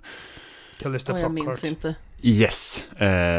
Och sen så, på grund av att jag hade sett den serien, så ville jag se The Americans då, för att jag tyckte liksom att han var, han var ändå liksom en av de, de bättre skådisarna liksom, eller det var, det var många bra skådisar i den serien, men liksom det var med manuset som tryter ibland då, men, men uh, så då såg jag The Americans som är liksom en sjukt bra serie och så. Mm, han, han är ju skitbra. Jag, jag, vet inte, jag, vet inte, det, jag vet inte varför, men det, hans röst gör någonting med mig. Jag vill bara... Är vi tillbaka till de sprängda kalsongerna? Ja. Jag vet inte varför, när, när han gör sin amerikanska accent. För att när jag liksom kollar på intervjuer med honom, är, är han typ skotsk eller är han, är han från Wales? Jag kommer inte ihåg. Jag hade inte ens någon aning om att han var någon annanstans ifrån. Nej okej, okay, ja, men han är kanske till och med Irland, ja, någonting sånt. Uh, och då, då liksom, he's talking like this. Och, och man bara... Jag vet inte, kan du prata Wales. amerikanska igen? Wales, ja. Så, ja, precis. Ja, det är inte en jättefager dialekt faktiskt. Uh, inte en ful dialekt så heller, men det, men det är någonting med, med han, när han gör sin liksom typ uh, dark and brooding American. Som jag bara, uff. Jag önskar att jag var... Uh, Kerry. det, ska, det ska komma en till eh, säsong av Perry Mason by the way. Jaha. Ja. Vad heter hon? Uh, Carrie i Americans? Um... Uh, gud, uh, Carrie Russell. Carrie Russell, precis. De är gifta i verkligheten, vilket är kul. Ja. Och Carrie Russell är också en, det är också en så här typ, var också en anledning till att jag också såg The Americans, det var inte bara honom, det var för att jag, jag såg Felicity. Eh, tidigt 2000-tal liksom. Typ en av JJ Abrams första serier. Mm. Så att... Eh... Allt, näst, mycket av det jag har sett den är JJ Abrams grej. Hon lärde mm. liksom eh, så här lite mindre roller i både Mission Impossible 3 och sen Rise of Skywalker. Mm. Ja men han är ju, JJ Abrams är ju en sån person så att han liksom han håller ju tag i skådespelare som han arbetat med tidigare. Det är säkert liksom annat folk han arbetat med tidigare också, men så, så får han liksom några roller som typ han... Eh, oh, vad heter han nu som dyker typ upp i allt eh, som JJ Abrams gör? Och ofta i så här bara miniroller liksom. Han är inte någon stor liksom Hollywood-stjärna egentligen, men han... Nej, jag, eh, jag, tror jag vet vem du menar, men jag, han är inte direkt en A-lister. Nej, men han, var, han, han hade ju en stor roll liksom i Felicity. Och sen dess har han liksom följt... Han, var, han har liksom en roll i Felicity Han hade en roll i Alias. Eh, Greg Grunberg. Eh, Greg Grunberg heter han. Ja, precis. Han var med i Heroes också, men då... Det var väl inte JJ Abrams som hade någonting med det Nej, men jag tror att det var där jag såg honom först. Ja, men liksom så han hade... Han var ju piloten i Lost, som typ så här var med i de två första avsnitten. Mm. Eh, ja, så att, och han hade... Han har varit med i Star Wars också. Star ja, Trek också, tror jag. Han var liksom som Dominic Monaghan, liksom, som bara dök upp helt random i Rise of Skywalker. Uh, och han var med i Force Awakens. Ja. Så att... Men om vi stryker kriminal och behåller drama. Jimmy, vad handlar Pachinko om? Oh, ja, Pachinko är, är, ju en serie som vi har sett nyligen. Som vi såklart idag. Precis, och den är ju, den är producerad av Apple. Jag kan ju säga för alla lyssnare, vi är inte sponsrade av Apple TV+. Vi kommer att diskutera fyra stycken serier ifrån den tjänsten idag. Ja. Shining Girls Men om ni ser det här, ja, Shining Apple Girls TV+, Plus, ja. Eh, sponsra oss gärna. Ja, ja men, men det är en ganska så spännande grej egentligen, för jag tänkte att för det, nu när så här Netflix har typ förlorat massa subscribers, så ursäkta att jag uh, går bort från Pachinko nu, men innan vi ska börja prata om det, men det var så här, Netflix har förlorat massa subscribers på senaste, och det är liksom folk bara sitter bara, ja men jag har typ inte Netflix, och så börjar jag liksom fundera på så här, själv liksom vilka, vilka tjänster man sitter med, och vi har ju Netflix, och Netflix har haft den sedan den kom i Sverige, och så var det så här att, jag har ju egentligen inte Netflix för deras egna material, för att mycket av deras egna grejer är ganska dåliga. Alltså egentligen, alltså det, det finns ju guldkornen där. Men det är inte som att jag prenumererar på Netflix för att se Netflix-serien. Jag prenumererar på Netflix för att de liksom har egentligen störst utbud av andra filmer och serier. Mm. Och dokumentärer. Och dokumentärer till exempel. Men liksom när man tittar till exempel på allt, liksom så här, HBO har ju för HBOs egna grejer. Apple TV Plus som jag fick gratis när jag, när jag uppgraderade min telefon förvisso. Men det är också att det är inte som att jag har Apple TV Plus för att se filmer, utan det är ju då liksom deras egna grejer. Eh, och sen är och Disney Plus är ju också mestadels på grund av Disney, Disneys egna grejer. Som jag har det för. För att det är bara så att, ja men det är nice att liksom kunna se typ Marvel-filmerna, nu äger i och för sig alla, men liksom när de kommer liksom nu de här Marvel-serierna så finns det hur många som helst av Disney-filmer när de kommer. Eh, Star Wars. Star Wars, precis. Och sen så, Disney är så pass stort nu också så att nu kommer de ju också få en massa andra filmer och sånt. Säkert också, men liksom, ja. Så att eh, Apple TV Plus liksom visar sig verkligen vara så här att, alltså det är typ som, allt vi har sett som är deras egna grejer har varit liksom kanon. Alltså det är typ så här bara wow, vilka grejer. Ja, eh, folk sover på den tjänsten alltså. Ja, det är liksom... Även Swansong som vi hade med i vårt eh, årets bästa avsnitt i början av året här. Mm. Precis, är ju också Apple TV Plus-produktion. Eh, Eller Apple-produktion. Riktigt förtjusande film. Så att de, de liksom, så det känns inte som att de bara, i alla fall som vi har sett, om de bara trycker ut grejer för uttryckandets skull. Lite som Netflix var i början när de kom med sitt originalinnehåll. Det var ju så här att, ja men vi, vi liksom, vi nästan ändrar hur man ser liksom på tv. Eh, och sen blev det typ så här bara, åh, jag kommer ihåg typ vdn för Netflix sa att, ja men alltså vi kommer ju snart börja behöva liksom så här, eh, cancella tv-serier och sånt för att liksom, vi har så mycket. Och det är bara, ja men nu släpper ni mycket skit också liksom. Eh, men i alla fall, Pachinko är ju liksom en, en väldigt speciell eh, serie som då handlar om, alltså den, den utspelar sig under flera olika tidsperioder då. Ett historiskt drama helt enkelt. Ja men precis, eh, över en koreansk familj. Eh, så man får då följa då en ung kvinna då liksom på, vad blir det då, 30-talets Korea slash Japan.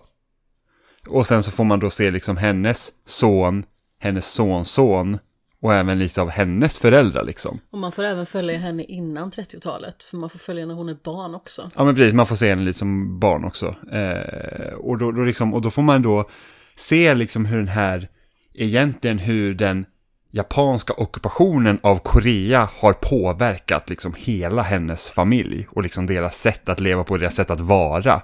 Eh, och det var liksom typ med den premissen så jag liksom bara, när jag, när jag såg den, liksom, jag tror det var i mitt Twitterflöde, jag bara såhär, oh, och den finns på Apple, den vill jag se, för den var liksom så spännande och annorlunda mot vad man liksom annat eh, brukar se. Eh, men jag trodde att den skulle ha ett mycket större USA-fokus än vad den hade, även om den utspelar sig i Korea, men det var ju också så här att den här sonsonen då som heter Solomon, han är liksom, han har bott i USA. Och nu ska liksom han försöka liksom ta hem en, en han jobbar på något så här stort företag som håller på med typ, om de bygger typ fastigheter och sånt. Ja, precis. Någonting sånt i alla fall. Och då är det liksom en, en äldre kvinna då i, som också är korean från början, som bor nu i Japan, som har liksom, hon har liksom ett litet hus som hon vägrar sälja. Och de håller på att bygga runt sina byggnader runt omkring henne. Så det är så han åker liksom tillbaka till eh, Japan då för att säkra den dealen egentligen. Och det är då också vi får liksom se hans, det blir hans farmor då. Och sen, sen liksom börjar serien rulla igång och se vart kommer hon ifrån och hur kommer det sig då att Solomon är på den eh, platsen han är. Jo, det är ursprunget liksom i henne. Och då ja, är det precis. henne vi mestadels följer i serien. Ja, det är farmor som är den röda tråden som ja. man liksom får följa då sen barnsben. Eh, med lite dåligt uttal, eh, Sunja. Ja, men precis. Eh, och det här tycker jag liksom är jättespännande för att jag är liksom inte, alltså även om vi, vi spelar ju spel liksom så att man har ju liksom redan ett intresse i den japanska kulturen, liksom ett lite lätt och jag har ju ändå liksom kollat mycket anime och läst mycket manga och sådana grejer, vilket har gjort att man liksom har fått ett intresse för Japan.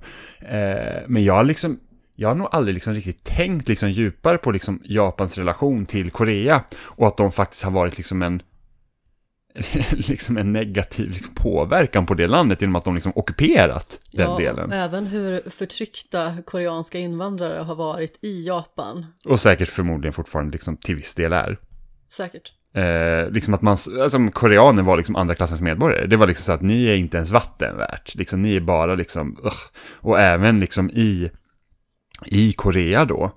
Eh, och jag tror att typ så att en av mina liksom så här att i den här serien, så här, en, en, grej jag tyckte var så himla egentligen hemskt, det händer mycket hemskheter också i serien, så även om den inte är hemsk eh, per se, liksom. Det var ju det att hon kommer till en punkt när hon måste flytta till Japan från Korea liksom. Eh, och det är bara så att, tänk vilken känsla det måste vara liksom att du bor i ditt hemland, alltså som är i Korea då, och så är det japaner där, som redan där liksom anser sig liksom ha makt över dig. Och liksom tycker inte om dig bara för att du är korean. Och sen kommer det till en punkt att du måste faktiskt fly, eller eh, fly, du måste flytta till liksom den makten som, som, som ockuperar ditt land. Ja, men precis, för att inte vanära familjen så behöver hon liksom gifta sig och flytta iväg. Ja, och det är liksom bara så att, alltså inte bara det att man måste lämna allt man håller kärt, utan man måste också liksom flytta till ett ställe där ingen tycker om dig. Det tycker jag var så himla hemskt. Men det, alltså det är en jätte, jättefin serie verkligen, alltså den, och det, det är ju verkligen egentligen bara, alltså det är en dramaserie, det finns liksom inget liksom, övernaturligt eller liksom hokus pokus i den här, utan det är liksom bara att se de här människoödena liksom och, och vad som händer dem. jordnära. Ja. Och framförallt liksom att man ser att människor blir generellt sett inte på ett visst sätt utan en anledning, utan allting som man är med om, allting som man är med om har konsekvenser. Allt som man drabbas av påverkar en i ens liv. Så även personer som kan vara liksom otrevliga eller bete sig rövigt de kan också ha haft det extremt svårt. Och visst, det finns människor som är onda och det finns människor som eh, bara liksom rent av lyder auktoritära makter. Men eh, jag gillar ändå att man verkligen fick se den här väldigt mänskliga sidan av alla karaktärer som serien liksom går in närmare på. Ja men verkligen, och sen det här när du säger liksom att och hur, hur, hur, vad är det som påverkar en som person? Så här är det inte bara det så att alla omständigheter runt omkring Sunja till exempel som påverkar henne, utan alla val hon gör påverkar ju hennes framtida familj. Ja, ända fram liksom till 80-talet där man liksom egentligen är i slutet av den här tidslinjen som eh, serien utspelar sig på. Mm. Och det är liksom, och liksom så här att inte bara det, vad, vad, gör... För att jag har ju ändå läst mycket genom liksom engelskan på universitetet, så har jag ju läst mycket om det här, vad, vad liksom... Vad är det som har hänt med människor just på grund av att liksom då engelsmännen har valt att liksom försöka liksom kolonisera stora delar av världen och liksom verkligen så här typ ta över olika ställen och liksom egentligen trycka sin egen kultur på andra kulturer och försöka liksom fösa bort den liksom redan inhemska kulturen, liksom till exempel Indien eller ja men bara för det liksom Amerika eller, och så.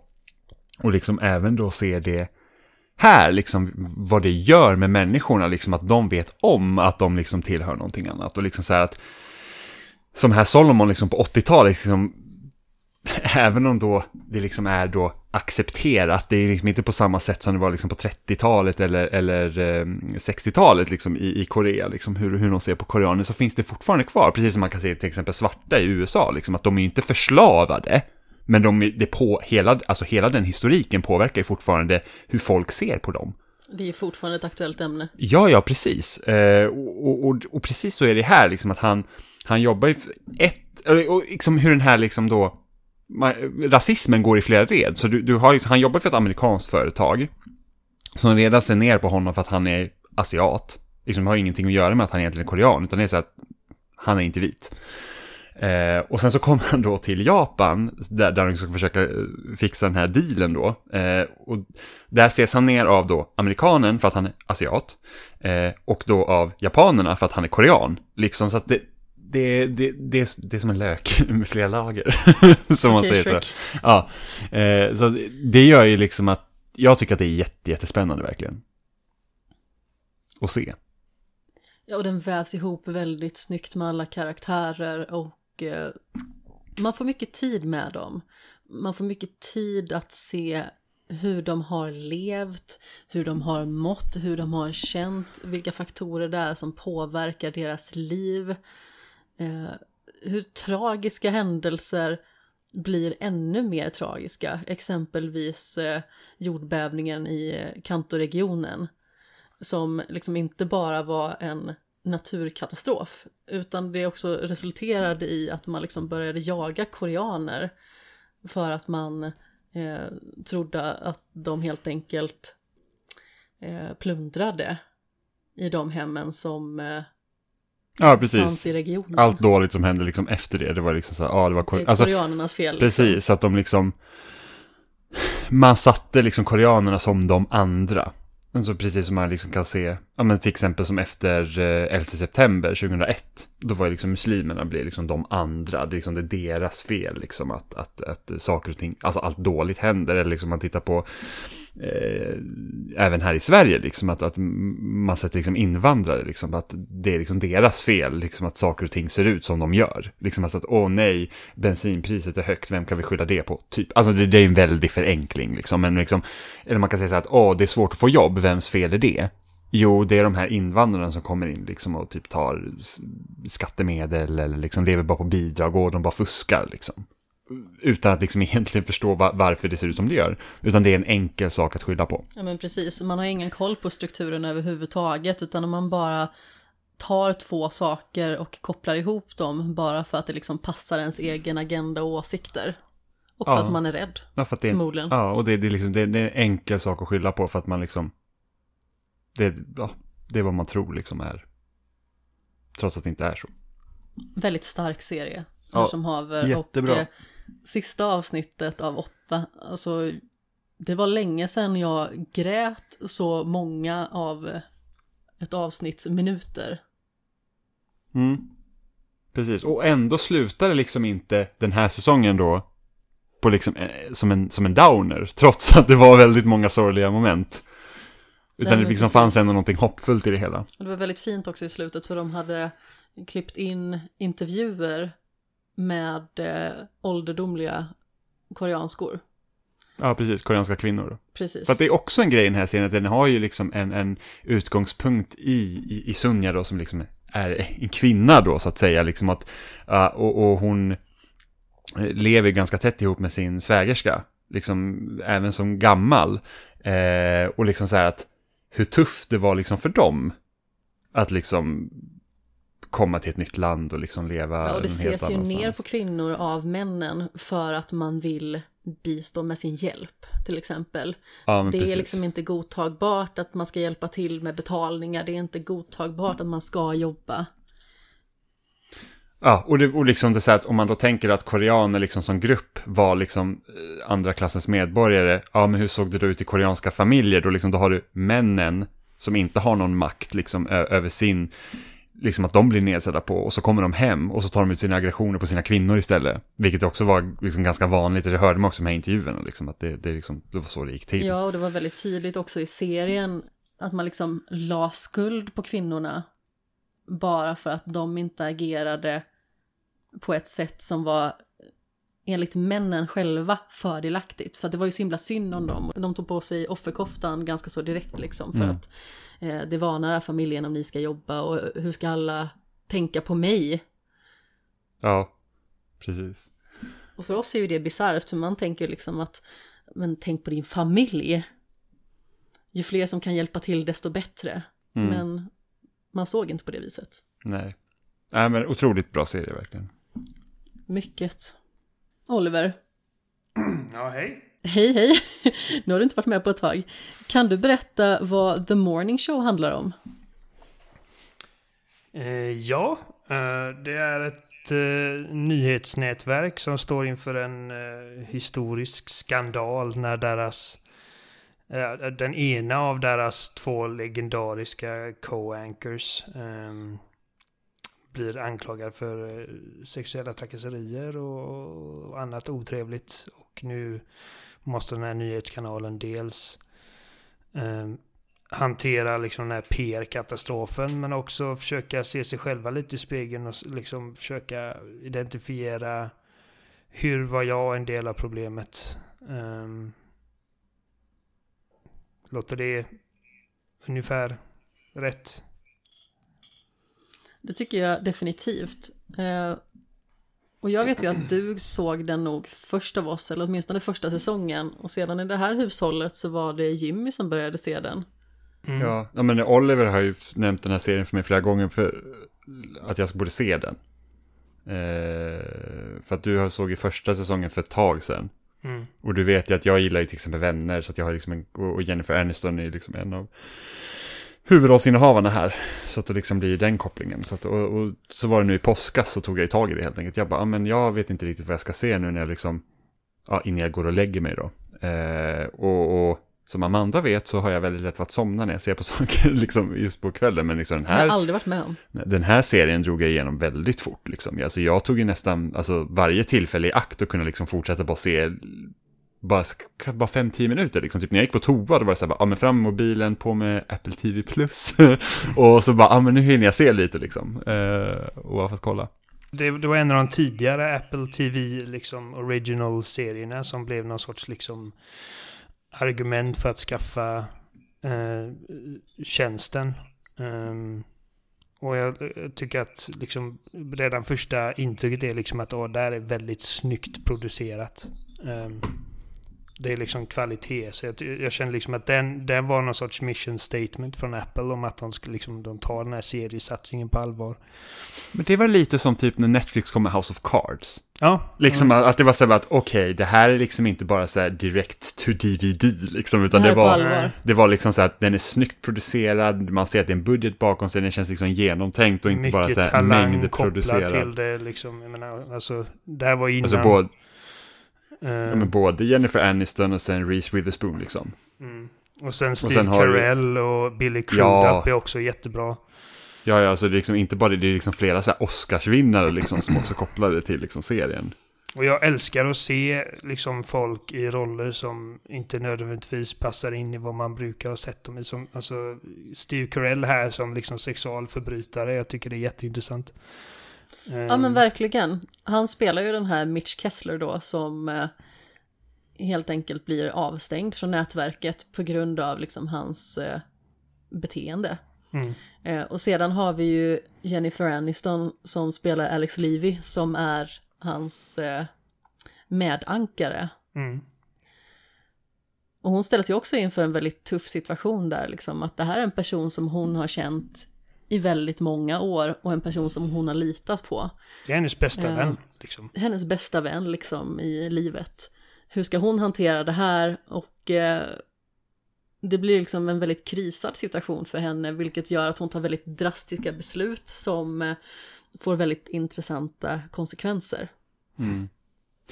Och det som egentligen ligger liksom i kärnan i den här serien, det är liksom hela den här metoo-rörelsen egentligen. Och det som liksom, och efterspelet av det, det är liksom egentligen grunden till problematiken som ligger i serien. Och jag måste säga att de, alltså, det är ju en väldigt skör tråd att balansera på när det kommer ja, liksom till de här ämnena. Och jag tycker att de attackerar det från så många olika vinklar på ett jättebra sätt liksom. Väldigt imponerande. Det är lätt liksom att eh, det blir en vinkling som få offren att liksom se misstänkta ut. Eller liksom att man går för långt åt andra hållet. Så att man liksom eh, gör de här människorna som har begått väldigt obehagliga handlingar till superskurkar som ska lynchas. Men det finns hela tiden olika typer av nyanser hela vägen igenom. Att människor är inte svarta eller vita. Man kan göra en sak som man liksom inte förstår i stunden kommer påverka en annan människas liv för evigt. Eh, och man kan använda sin makt på ett väldigt oskönt vis och inte se konsekvenserna av det. Eh, och sedan så kan man ju faktiskt i alla fall försöka att bli en bättre människa också, att man kan se sin skuld i det hela, man kan se sina otroligt eh, klandervärda val. Och faktiskt försöka göra någonting åt det. Så att man är liksom inte bara en skurk, eller man är liksom inte bara en eh, ängel. Utan mm. det finns liksom nyanser däremellan. Ja, och där kan man liksom se om man, liksom Steve Carells liksom karaktärsresa liksom från att vara så här att jag har blivit anklagad till att säga att okej, okay, jag ska liksom slå tillbaka och sen liksom komma till någon form av insikt att jag är problemet. Det, det, det, liksom, det, det ja. jag kände var liksom mest i ögonfallande med serien. Um, uh, som du sa Amanda, att ingenting är svart och vitt. Att liksom, det är tydligt redan från första början att Steve Carell är den som har liksom, han är förövaren i det här dramat. Uh, men sättet som de låter Steve Carell i den rollen um, ta ut svängarna lite. För om man kollar på liknande liksom, draman jag sett, om man kollar typ på um, The Bombshell. Jag vet inte om ni sett den? Inte sett den. Okej, okay, men det, det, är en liknande grej. Det, det handlar om, det är, det, det är en riktig händelse liksom med Fox News. Där tre, tre kvinnor, uh, det är Nicole Kidman, det är Charlie Theron och det är uh, Margot Robbie som spelar tre olika kvinnor på uh, den här nyhetsstationen och som blir väldigt liksom äckligt behandlade av gamla gubbar som leder och styr och ställer och där liksom när man kollar på den så tänker liksom man de är äckel och de framställs som äckel. Och jag tror liksom att det i många fall är de det. Men i just detta liksom fiktiva eh, scenario. Så detta är liksom en person som har gjort fel men också inte nödvändigtvis liksom insett att han har gjort fel. Liksom att han, han, han fattar inte till en början att, att han har gjort liksom rätt onda grejer. Um, och uh,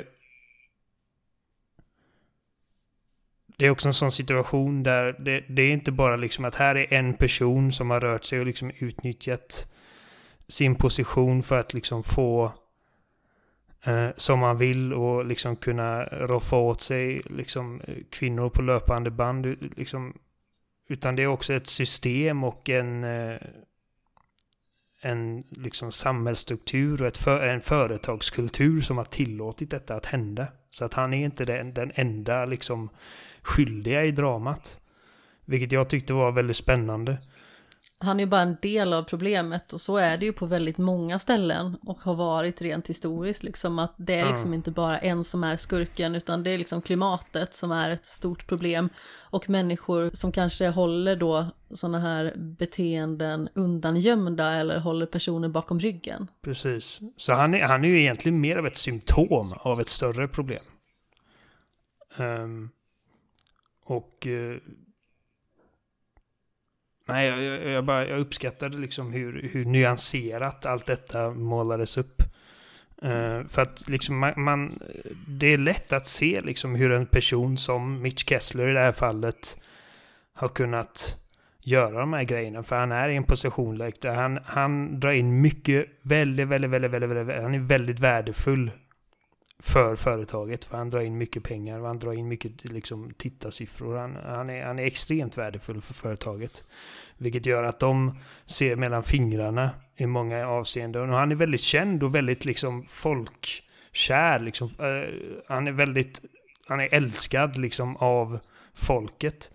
Uh, och uh, så har Han har liksom, liksom nästan samma så här typ liksom anseende i sin bransch som typ Tom Hanks.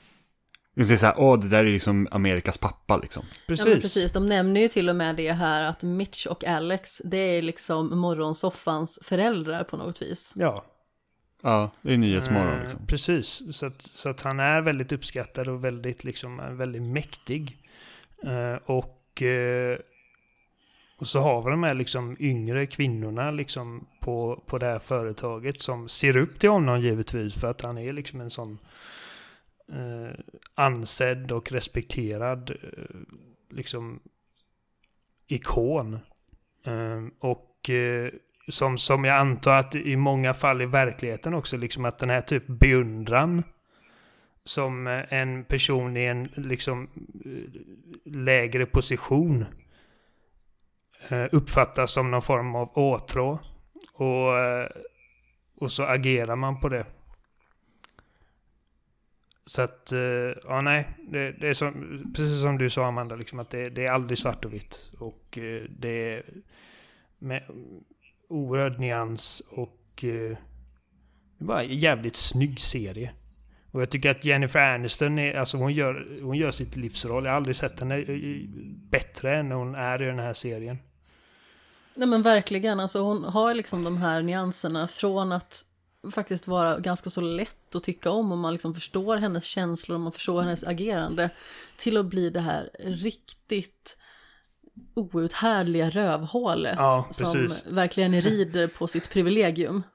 Exakt. Man liksom, hon är, hon, det, är också, det är en bra poäng för att hon liksom genom seriens gång så är liksom man, man tycker att åh, jag, jag håller på henne och jag liksom sympatiserar med hennes liksom, problematik och sen så i nästa stund så är det bara fan vilket jävla röve, jag hatar dig, du, du är ett sånt jävla svin.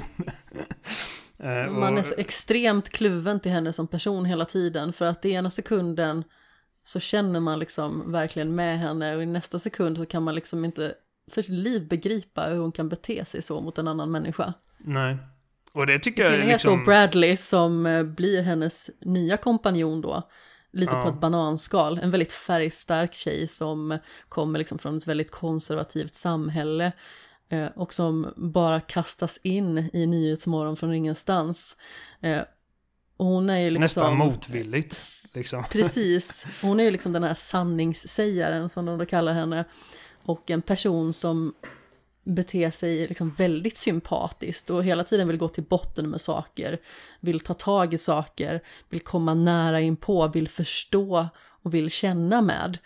Eh, och hon har liksom väldigt många situationer, framförallt i första säsongen, för att Bradley är inte perfekt hela vägen igenom heller. Nej. Men i första säsongen så beter sig Alex så himla oförlåtligt nästan otrevligt mot Bradley många gånger. Så man förstår liksom nästan inte att Bradley så här kommer tillbaka och bara så här, men jag tar hand om dig. Jag känner med dig. Jag bryr mig om dig. Och sen eh, en annan karaktär i serien eh, Eh, spelas av Billy Crudup tycker jag också är liksom en väldigt intressant. För att jag vet aldrig vad jag har honom. Älskar honom. Jag, jag tycker han är skitbra. Jag, vad är det han heter i serien nu igen? Corey. Corey, ja precis. Han är, han är liksom att han... Eh, man vet inte ifall han är liksom världens godaste eller om han är liksom ett så manipulativt mastermind. Det, det kan verkligen vara det ena eller det andra. Um, Vad det än är så älskar man honom oavsett, man kan inte låta bli. Jag tror nej. att Jimmys kalsonger sprängs över honom. Hallå, han är, men han, är, han är så jävla rolig och liksom sättet han spelar karaktären på, alltså det är liksom så fort han är i bild så man liksom bara helt så alltså fy fan vad, fan vad bra det är. Hans liksom. manér är ju fantastiska. Ja. Han äger liksom utrymmet i varje mm. scen han har liksom och, och, och det, är för, det är för att det är en sån liksom person han spelar.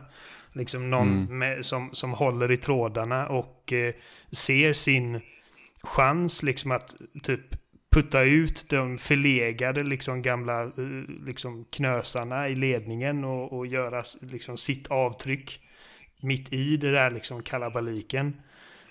Och han balanserar alltid på tråden så att han skulle kunna vara ett riktigt jävla svin. Definitivt. Och... Det är liksom så att han skulle ju bara kunna vara så att, ja ah, men nu är jag liksom the bad guy liksom. Mm, ja, men, men det... det... jag älskar med honom, det är ju liksom att han har liksom en väldigt emotionell och väldigt djup sida.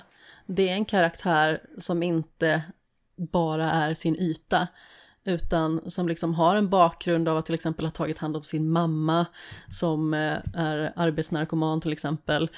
Eh, han är liksom inte rädd för att visa känslor i många scener. Eh, och jag gillar det. Jag gillar att det liksom inte är en karaktär som bara liksom plöjer på, eh, utan på insidan av den här liksom ångvälten som det blir lite granna så döljer sig liksom någonting väldigt fint och jag uppskattar det liksom. Återigen det här med nyanserna. Ja, och, det, och han spelar den rollen så jävla bra. Och han är också så bra skriven för att den här liksom värmen som du nämnde nu. Jag är aldrig övertygad om att den är genuin. Liksom. Eh, eller om det är liksom någonting som är en del av hans strategi för någonting annat. Och eh, det är som, jag, vet, jag har sett liksom intervjuer med Billy Crudup där folk har frågat liksom Är han en bra kille eller är han inte en bra kille? Och han bara Ja du.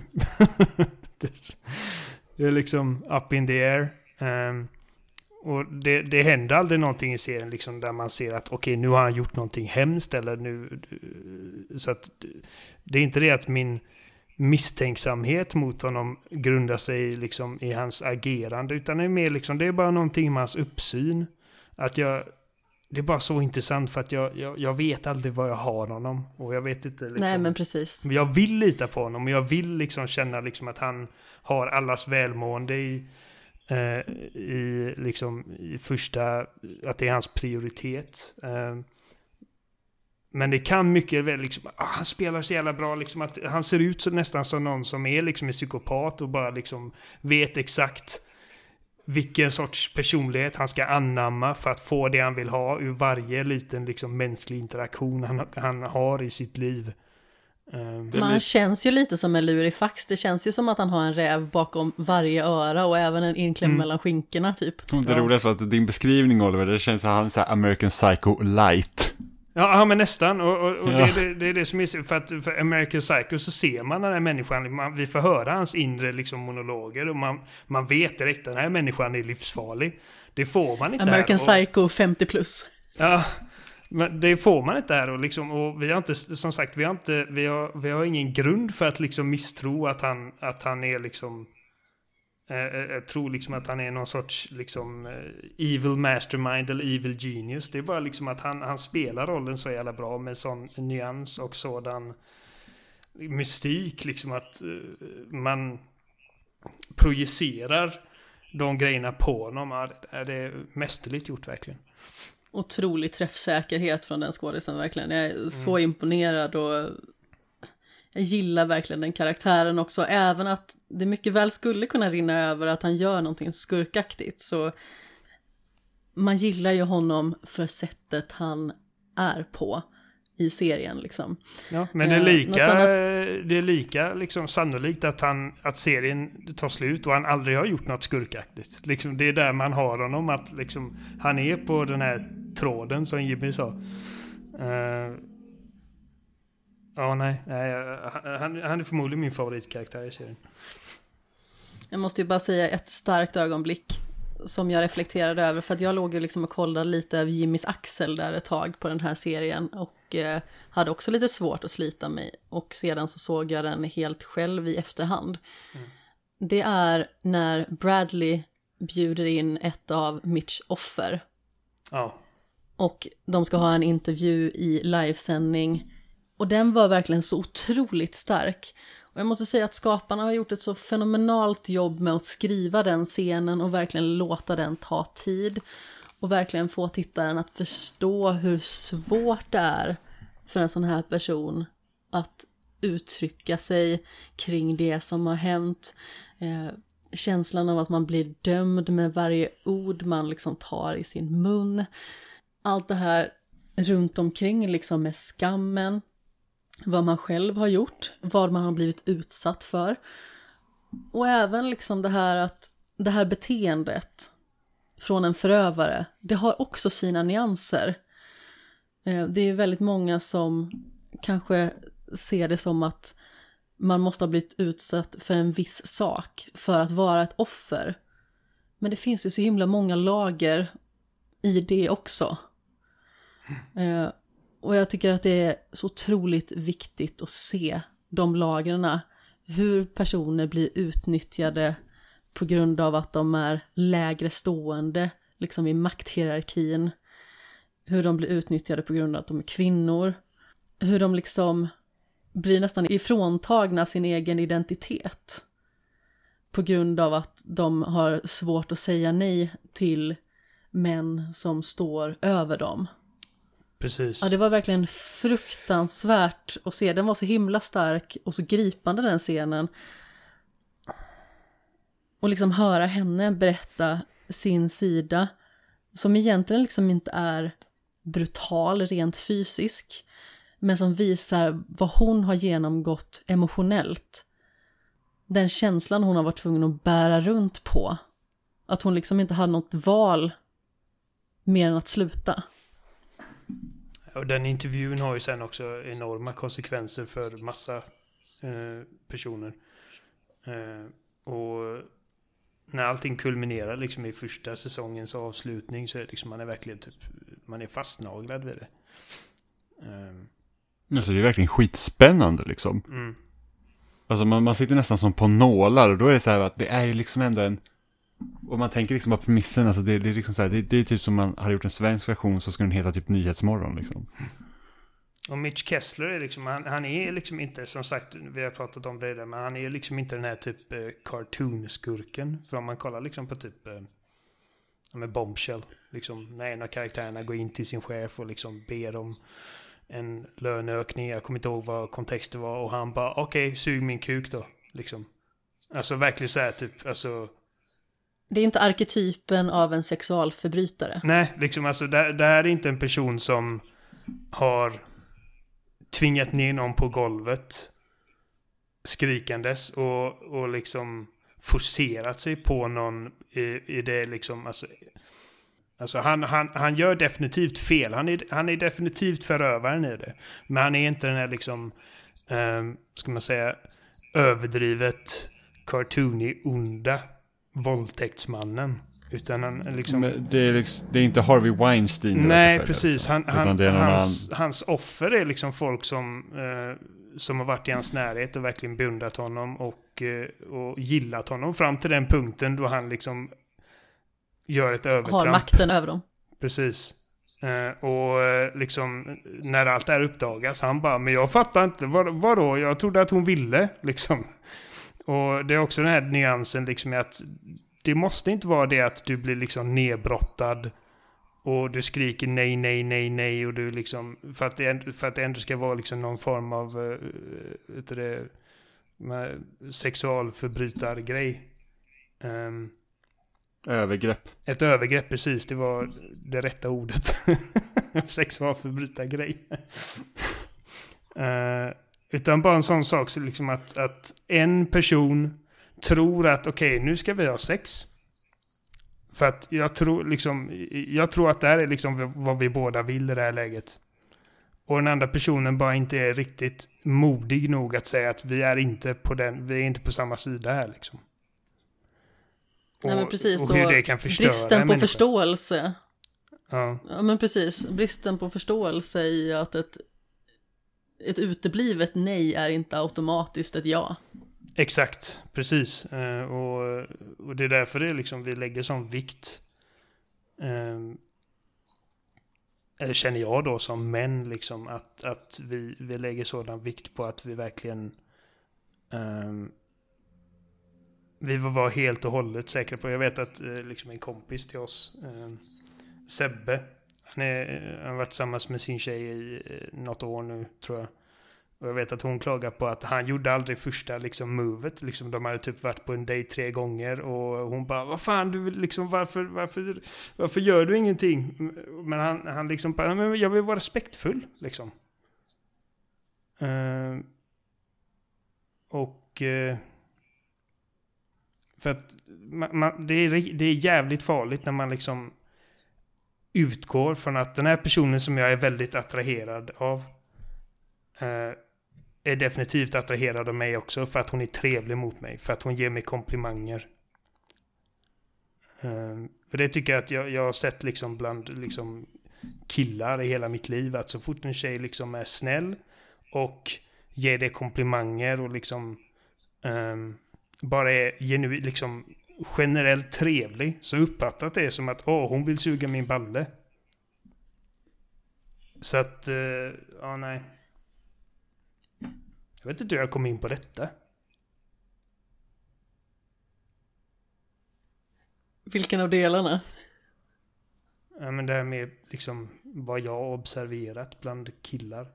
Um.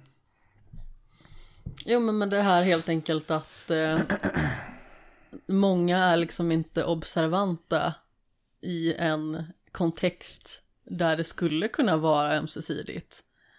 Ja, utan precis. att man helt enkelt bara utgår ifrån vad man själv vill och inte bryr sig om att ens fråga vad den andra vill. Utan bara tänker att men jag vill ju. Och du har inte sagt nej. Ja men det är klart att vi ska ligga. Mm. Eller det är klart att eh, jag ska få ta på dig på det här sättet. Eller att jag ska få tala till dig på följande vis. Uh, och jag tycker att serien porträtterar det väldigt väl. Liksom att övergrepp har liksom en jättestor skala. Ja, nej, så det, bara det för att det liksom inte är fysiskt så kan det vara mentalt. Det också, precis. Alltså jag, Just det här förminskandet av personer liksom också som eh, kan vara ett väldigt tufft övergrepp. Sånt som liksom sätter djupa spår. Mm. Eh, hela livet igenom egentligen. Men som eh, passerar förbi liksom utan att den som har utfört övergreppet inte reflekterar det minsta lilla över att eh, det här kan liksom vara ett livsavgörande ögonblick. Och sen är det här också liksom att eh, det första som händer när allt detta uppdagas, liksom eh, när hans offer börjar liksom tala ut. Så det första är liksom att de bara, de, de stänger av honom och skär ut honom som en liksom varböld och liksom låtsas som att allt är bra nu. För att han är det enda, liksom, han, han var problemet. Eh, och ingen vill liksom granska sig själv till en början och liksom säga, och liksom, var det någonting jag gjorde för att liksom hjälpa det här eller, eller gjorde jag det värre? Eh, kunde jag gjort någonting? Eh, jag vet liksom att Alex Levy då som, som är ju den som är närmast Kessler är ju väldigt liksom otaggad till en början på att liksom eh, ta någon form av ansvar, ansvar för, för vad som hänt. Och eh, samtidigt så är det liksom att det är inte hon som har gjort det. Eh, men serien liksom tar också upp det här med att eh, alla kan göra liksom någonting. Eller man kan åtminstone granska sin situation och liksom säga okej, okay, kan jag kan jag liksom lära mig av detta och bli en bättre person? Ja men absolut. Det håller jag med om. En väldigt uh, tung serie på många sätt. Men också en uh, väldigt givande serie tycker jag. Det är en lätt-tittad tung serie. Ja, absolut. If that makes sense liksom. För att det är väldigt tunga... Svårt att släppa den. Precis, det är, det är väldigt tung liksom eh, subject matter. Och eh, jag kan tänka mig att liksom ifall man själv var utsatt för eh, övergrepp. Eh, så kan jag tänka mig att det kan vara liksom väldigt eh, tuffa scener här och där liksom när folk beskriver vissa situationer och hur det har påverkat dem. Men, men det är också liksom serien eh, den har bra, den har rappt flow och den liksom, den har liksom eh, eh, humor också och den är... Ja, nej, som sagt, den, den är lätt-tittad. Men den är inte heller rädd för att liksom stanna kvar i scener. Nej, verkligen inte. Att låta dem liksom utvecklas så att man verkligen får gå in i scenen och se den fullt ut. Det är liksom ingenting som kapas av. Man känner sig väldigt närvarande i den mm. serien. Ja, men det är så, ju mer jag tänker på den, desto bättre blir den i skallen på mig också. Uh, för att man liksom... Man får en, en, extra uppskattning över bara hur, hur svårt, liksom, ska man, ämne de navigerar så elegant i. Ja, det är ju väldigt komplicerade frågor. Mm.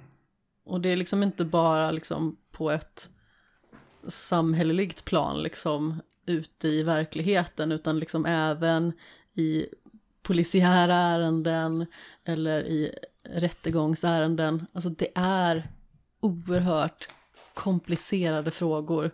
Eh, och i och med att det liksom är två stycken parter involverade, minst, så blir det ju liksom knivigt att hantera. Mm. Och det handlar ju liksom ofta väldigt mycket att man går på vem är mest trovärdig. Ja, precis. Uh, en väldigt kontemporär serie. Liksom det som uh, metoo-rörelsen liksom nämns väldigt ofta och liksom den, den, den gör en poäng av att liksom detta är liksom inte någon sorts alternativ verklighet. Även om uh, de här karaktärerna är påhittade så är det liksom vår verklighet den utspelar sig i och liksom de... Eh, ja, den tar liksom utgångspunkt i flera liksom stora nyhetshändelser som precis, har hänt liksom under uh, tiden. Liksom som typ så här bränderna i Kalifornien och Exakt. Så hela metoo-grejen. Liksom, coronapandemin. Och sen coronapandemin, precis. Ja, säsong den känns ju väldigt den, aktuell när säsong två börjar så är liksom det här corona, de, de börjar liksom, ja vi ska rapportera om ett nytt virus som kallas corona. Liksom man bara, oh, oh, oh. Um, det nämns bara, ja, Trumps America och sådana grejer utan att det blir preachy. Um, så att, ja, nej, alltså jag kan inte rekommendera den nog. Ja, men det känns verkligen som att man får en inblick i dagens USA på ett väldigt mm -hmm. tjusigt vis. Absolut. jag det... tänker att vi ska gå vidare. Oj, förlåt Oliver, säger du först. Nej, det, det, jag vet, alltså vi, vi borde gå vidare, men jag tänkte också liksom bara nämna liksom att det finns flera liksom sidokaraktärer som också är liksom väldigt eh, intressanta, även om de inte är riktigt liksom lika centrala för handlingen. Men om vi kollar typ på Chip, eller eh, han eh, väder... God damn it, Chip! Mm. Ja, eller han eh, väderkillen som har ett eh, liksom... Det är också en intressant grej för att eh, det, det, är en kille som gör vädret har en relation med en... Janko Flores. Som han Janko, heter. precis. Eh, han har en relation med en kvinna på, på jobbet eh, som är liksom yngre och mindre erfaren. Och även om ja, hon är väl, jag vet inte om hon är praktikant så har hon i alla fall liksom en juniortjänst. Om hon är ju typ 15-20 år yngre än vad han är också. Ja. Jag tror du ska att hon var typ 15 ja, år jag bort, men då är det ju verkligen ing... Nej, men då, liksom, detta då är, en, är det inte okej. Okay. detta är en relation mellan två liksom eh, ömsesidiga eh, vuxna människor och de är liksom kära i varandra. Och, hur, och de måste liksom känna att de måste smyga runt med detta för att det är liksom okej, okay, mitt i denna jävla eh, PR-katastrofen liksom hur vilken landmina är inte detta liksom? Att jag är liksom i ett förhållande med en, eh, en kvinna i en liksom lägre maktposition än mig och, eh, eh, och mycket yngre än mig. Och, och, hon gör poängen liksom att alltså, min pappa hade kunnat liksom köpa dig och käka dig till frukost. Så att vem är egentligen i liksom en högre maktposition? Och det är, det är, liksom, det är så här typ spännande subhistorier. Som också rör sig väldigt elegant i liksom det övergripande dramat. Um, nej, alltså Morning Show är skitbra. Ja men verkligen. Och även Laura Peterson som man får bekanta sig mer med i säsong två. Som är ett eh, romantiskt intresse till en av huvudkaraktärerna. Mm. Också otroligt bra skådis. Eh, och eh, otroligt bra roll. Mm. Ja, väldigt, eh, också väldigt liksom eh, aktuellt. Nu har inte jag sett klart ja, säsong två så jag vet inte liksom vart det eh, slutar men... Eh, ja nej det är ja, skitbra serie. Apple Plus alltså. Ja de har något. Mm. Jag tänkte att vi skulle gå vidare på avsnittets lista. Vi har ju verkligen förkovrat oss i serier i det här avsnittet framför allt. Och vi kommer ju fortsätta med en serie till i våran djupdykande del i slutänden. Men dagens lista tänkte jag skulle vara våran topp tre av serier vi ser fram emot mest under resterande del av året. Oliver, du får äran att börja. Ja, det är bra för att det här blir snabbt för min del. Eh, för att jag är jättetråkig. Jag, alltså, när det här, serien som jag ser mest fram emot nu eh, har haft premiär när det här avsnittet slut, eh, eller kommer ut. Vi spelar in det, här, det är torsdag då va? Imorgon så kommer Obi-Wan Kenobi-serien. Um, och det, alltså, när, när, när Disney tillkännagav att de skulle köpa Star Wars IP så var liksom den första tanken jag hade liksom att om, om de ska återbesöka någonting så är det, jag, jag vill se Ewan McGregor under kompetent regi. Um, och tio år senare så, så får vi det. Och uh, jag tycker det ska bli, alltså Ewan McGregor är typ den i särklass bästa grejen med pre prequel-filmerna. Um, jag tycker han, han är elektrisk i den rollen och jag tycker att det ska bli kul att se honom återförenas med Hayden Christensen och också som... För att medan jag har aldrig riktigt liksom tyckt om hans version av Anakin Skywalker så har jag alltid eh, insett liksom att det är inte hans fel. Det är, liksom, det är bara usel liksom författande och usel regi. Um, och jag tycker... Men detsamma gäller ju Natalie Portman också som liksom hade det tufft om man säger så. Ex. Otroligt bra skådis, men skådis. tuffa förutsättningar. Um, men alltså du hade kunnat sätta Daniel Day-Lewis i den rollen och få skräp liksom under de förutsättningarna. Um, så att... Uh, och jag, jag, tycker lite, jag, tyck, jag tycker faktiskt synd om Hayden Christensen, eh, liksom över att ha hört liksom i så här 18-19 år nu att han liksom är världens sämsta, liksom, att han är typ Hitler och, och typ våldtagit folks barndom och att han är typ jordens avskum. Och att nu då liksom när den generationen som växte upp med de filmerna faktiskt har liksom börjat göra sina röster hörda. Jag, liksom, jag bara jag såg en intervju där han sa liksom att det är så hjärtvärmande att äntligen bli omfamnad. Um, och, och, att se honom liksom vara uppspelt över att vara med i Star Wars igen. Det är bara, det är bara hjärtvärmande liksom. Så även om, om den här serien då liksom skulle visa sig vara helt värdelös så är det liksom värt det bara för att liksom eh, få se de här två ikonerna på, på eh, tv-rutan igen. Även om jag hade liksom velat se det på den stora duken såklart. Mm. Och sen... Eh, det är typ det. Alltså jag brukar inte ha så liksom jättebra koll på serier, kommande serier. Eh, förutom då liksom ja, när nästa säsong av någonting jag redan följer börjar. Jag vet Better Call Saul har ju börjat igen. Um, och... Eh, ja men där är ju faktiskt, där har du ju faktiskt den avslutande delen som har premiär i juli. Ja, okej, okay, ja, men det, det, det är väl ändå. Jag ser, jag, jag en... ser fram emot eh, att få se den serien sluta. Uh, men även Prehistoric Planet som jag sett fram emot ett tag nu. Uh, liksom BBC Earth Style dinosauriedokumentär med narrativ. Uh, framfört av David Attenborough och teknik av John Favreau. Liksom. Det är bara alltså, enastående. Inte illa. Nej, men och den är ute som sagt. Och sen är jag jag är jättenyfiken på hur HBO eh, tolkar Last of Us, men den kommer ju inte i år så vitt jag vet. Nej, det är 2023 på den. Ja. Så jag antar att bara av ren nyfikenhet så får jag väl sätta upp Amazons Lord of the Rings då. Inte för att jag liksom tycker att åh fan vad jag längtar efter den, utan bara mer liksom att uh, den dyraste serieproduktionen någonsin liksom. Hur, hur, hur ser det ut? Um, så nej, jag menar, hade du frågat mig för, för några månader sedan så, så hade det varit The Staircase tror jag. Uh, bara för att jag tycker att uh, den såg väldigt spännande ut och jag tycker den är väldigt spännande. Uh. Har du sett dokumentären?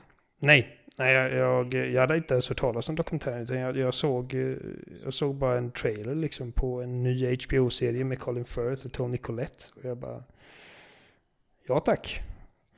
Um, Ja, det tackar man ju inte nej till i första taget. Nej. Men dokumentären är eh, ruskigt bra, så jag rekommenderar att du ser den liksom när du får tid och möjlighet. Jag ska definitivt se den efter att den här serien är färdig, för att jag vill inte bli spoilad på vad som händer. um. Men ja. Ja, nej men det är Obi-Wan Kenobi och uh, Sagan om ringen och jag fuskar och säger Last of Us även om det inte är år. Jimmy då? Ja, det är inte helt lätt alltid men jag, eh, jag är i alla fall inne på, ja men som, som sist avslutande del i, i Better Call Saul. Det är nog det jag liksom egentligen ser mest fram emot. Mm eh, av serier komma nu. Även om det känns lite fuskigt eftersom första halvan är liksom klar. Om man säger så. Eh, och sen är det ju faktiskt eh, prequel-serien till Game of Thrones som är House of the Dragon. Visst heter den så? Mm. Jag, jag, jag tänker alltså House of the Dragon, men sen är alltid den här Fire and, and Blood i bakgrunden liksom. Eh, men ja, den ser jag väldigt mycket fram emot och jag tror jag hade sett mer fram emot den om det faktiskt var så att Game of Thrones hade slutat på ett bra sätt. det var det jag skulle säga. Alltså, det, ja, ja. Det, det, och nu är ju inte, nu är det ju inte eh, Wise och Benioff som skriver den här serien. Så att de, de har liksom inte riktigt någonting med den att göra, men den bygger liksom på, alltså det är ju ändå tv-serieuniversumet den, den bygger på. Så den är liksom inte fristående på det sättet. Men den ser jag faktiskt fram emot att liksom få återbesöka den världen eftersom eh, George R. R. Martin inte lyckas eh, avsluta sin bokserie. Så känns det ändå trevligt att få se någonting från den världen. Eh, och jag hoppas ju liksom att den är bra.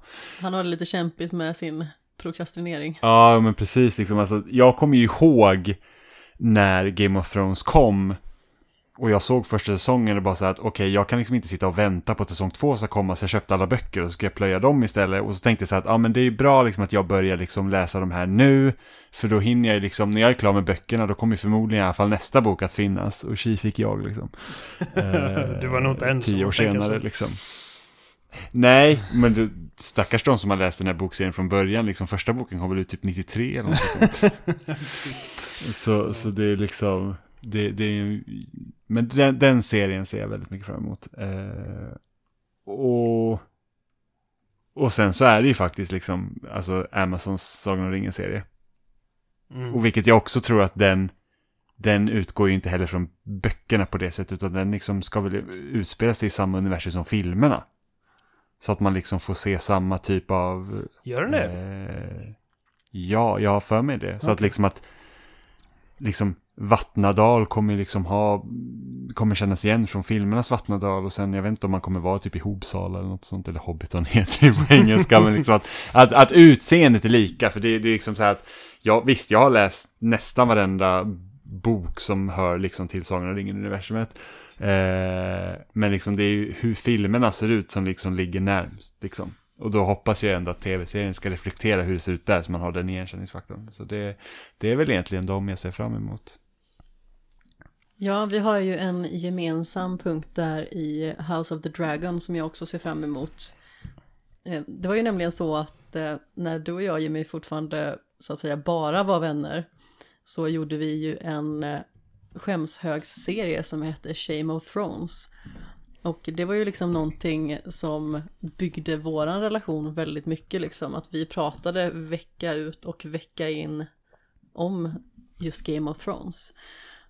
Och eh, nu har vi börjat se igenom Game of Thrones igen liksom för att ladda upp inför House of the Dragon som kommer den 22 augusti, som också är våran årsdag för övrigt. Vilket eh, känns väldigt fint. Är det, är det den tredje eller andra årsdag? Tredje. Tiden går fort alltså. Kommer, det känns ju som länge som jag bara gissade mig fram till att ni var ett par. Ja, just det. Mm. Ja, jag trodde att Amanda hade sagt någonting för ni hade poddat själva. Ja. Och jag skrev till Jimmy bara okej, okay, så hur går det med... Uh, hur går det med Amanda? Nej, liksom? du, skrev, du, du skrev så här. Ja, när flyttar du ner till Allingsås då? Ja, just det. Ja, så skrev jag. Ja. Uh, och så sa du, ja, vi får ju se. Och jag bara, va? Är du seriös? Jag tror att jag sa i förbifarten att jag och Jimmy skulle se Joker ihop. Ja, precis. Uh, och jag tänkte bara, hmm, alltså liksom... Rätt odramatiskt tänkte jag. Jag visste liksom att ni, ni har mycket liksom, uh, projekt och grejer på gång. Jag vet att uh, ni trivdes i varandras sällskap. Jag visste att ni var liksom väldigt bra vänner. Men jag tyckte lite weird liksom att man går på bio när man liksom bor typ så 45 mil ifrån varandra. Ja men precis. Men det känns ju som att folk visste att vi var ihop redan innan vi visste det själva. det var ganska roligt. Folk bara, jag visste det hela tiden. Jag har tänkt det här så länge. Ja, då önskar man att man kunde bevisa hur fel de hade bara för att man fick ha rätt. Nej, Eller liksom de bara, haha, nu hade du allt fel din usling. Det är så viktigt för dig att ha rätt Jimmy. Ja, men ibland är det så här, så här, jag vill ha rätt bara för out of spite liksom. ibland känns det lite så, man bara så här, jag vill bara kunna säga att jag hade rätt och du hade fel. Jag gör slut nu bara för det. Ja, precis. Nej, men eh, min andra serie är Conversations with Friends. Som är från skaparna av Normal People, som också var en magisk och briljant ungdomsserie. Och det är även samma författare, Sally Rooney, som eh, står bakom den boken, helt enkelt. Och slutligen så har vi The Fall of the House of Asher och det är ju Mike Flanagans nästa serie. Jag tror att den ska komma 2022 i alla fall. Eh, på IMDB ser det ut som att eh, det var planen. Eh, och vi har ju bland annat Mark Hamill med i den serien. Mm. Mm. Så det ser jag fram emot. Ja, men det, det, ska bli spännande. Och med tanke liksom på vad Flanagan liksom har skapat det senaste liksom med sina Netflix-serier där så har jag väldigt höga förhoppningar på vad han liksom kommer pyssla med härnäst. Ja, alltså det, nu när, nu när du nämnde, jag hade glömt den serien, men nu när du nämner den så, ja, den toppar min lista. Alltså jag, jag Oavsett vad Mike Flanagan gör så är jag där alltså. Jag också, absolut. Jag är helt såld. Ja, Midnight Mass var ju skitbra ja, verkligen. Gud. Ja. Bäst i fjol enligt mig. ja, samma här. Um, eller, mm, ja, jag är fortfarande Mare of Easttown var också riktigt jävla bra, men ja, det, ja de två. Ja, den var kanon också. Um, nu minns inte jag vad jag valde som bästa serie förra året. Jag kollar inte på mig. Tänker du att jag ska komma ihåg det åt dig? Ja, du brukar vara bra på det. Valde jag... Valde jag Arcane, eller jag satte Arcane som ett år, årets serie? Nej, den slutade i år, så får det vara i år. Jag minns fan inte vad jag valde. Nej, den slutade inte alls i år, utan den slutade förra året. Nej, det gjorde den inte. Gjorde den väl ändå? Nej, den hade sista avsnittet i januari. Äh. Den släpptes väl i sin helhet eller? Nej. Eller just det, den släpptes i två delar. Ja, den, den fick väl typ chunk av serie, tror jag. Eller chunk av avsnitt när den släpptes. Nu måste jag kolla upp det här. Fast du hade med den på din lista i alla fall. Det minns jag. För det hade jag också. Nej, den släpptes i sin helhet förra året. Ja, då var det säkert Arcane jag valde då. Förmodligen. Mycket hög kvalitet också på den serien. Ja, gud ja, den var så bra. Men apropå kvalitet. Tänker jag att vi ska djupdyka ner i dagens höjdpunkt och eh, ytterligare en serie. Och det är ju Severance.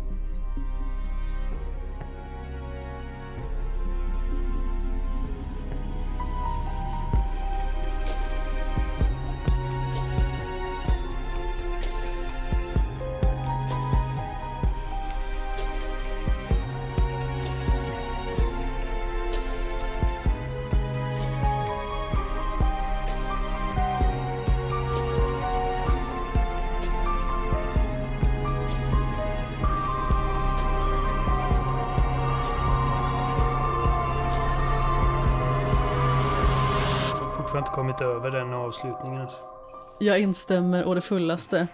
Eh, och Severance är ju en serie om individer som arbetar på ett omtvistat företag som har som policy att klyva sina anställdas medvetanden i tu för att kunna försäkra sig om att de inte sprider hemligstämplad företagsinformation.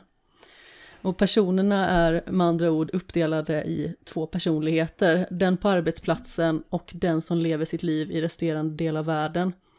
En av dem är Mark, spelad av Adam Scott, en före detta universitetsprofessor som förlorade sin fru i en trafikolycka och klyvde sitt medvetande för att halvera tiden han spenderar med att sörja hennes tragiska bortgång. Där har vi det va? Någorlunda. Ja men precis, och det, det är liksom i hans, det är hans ja, liksom karaktär vi får utgångspunkt bra. i. Eh, och sen så finns det såklart andra karaktärer men vi liksom vet inte riktigt vad, vi får se deras arbetsjag men vi får inte se deras liksom privata jag. Riktigt. Så det är liksom också en del av mysteriet sen, liksom att vad, vad är liksom, vad är de för personer egentligen? Ja men precis. Och nu behöver ju vi inte gå som katten kring het gröt, utan vi kan ju förkovra oss i detaljerna och alla hemligheter och nysta i allt mystiskt i den här serien. Om vi börjar med dig Jimmy. Var det någonting som verkligen lämnade så ett, ett så otroligt starkt avtryck i den här serien på dig? Alltså jag bara tror att liksom den här för jag vet att när den här serien liksom premiss såldes in till mig så var det ju så för att jag hade ju ingen aning om att den skulle liksom vara sån här att den näst, nästan skulle liksom ha den här lost-viben av att det är liksom själva mysteriet som är det intressant, utan det var ju så här att, ja ah, men, vad skulle du göra om du kunde liksom vara så här att när du går till jobbet så är det bara så här att, blupp, så är du hemma igen, liksom att hela jobbdelen liksom är borta, så du liksom du behöver inte ens tänka på du det. Du minns ingenting av nej, ditt verkliga nej, jag. Eller dina åsikter eller tankar eller Nej, men jag tänkte, mer, jag tänkte mer att den, den personen som är utanför arbetet, liksom att man, liksom, man går till jobbet och sen, sen är man hemma igen. Så man kan vara egen som fokuserar på liksom, sina fritidsintressen egentligen. Eh, och sen visar det sig att den här serien är liksom mycket mer. Utan det är liksom så att, åh, vad, vad gör det egentligen med människor liksom? När det händer. Och speciellt liksom, och det, jag tror att den mest spännande karaktären här, det är ju hon... Eh, Helly. Precis, Helly. För att hon, kom, hon är liksom ny på det här jobbet då.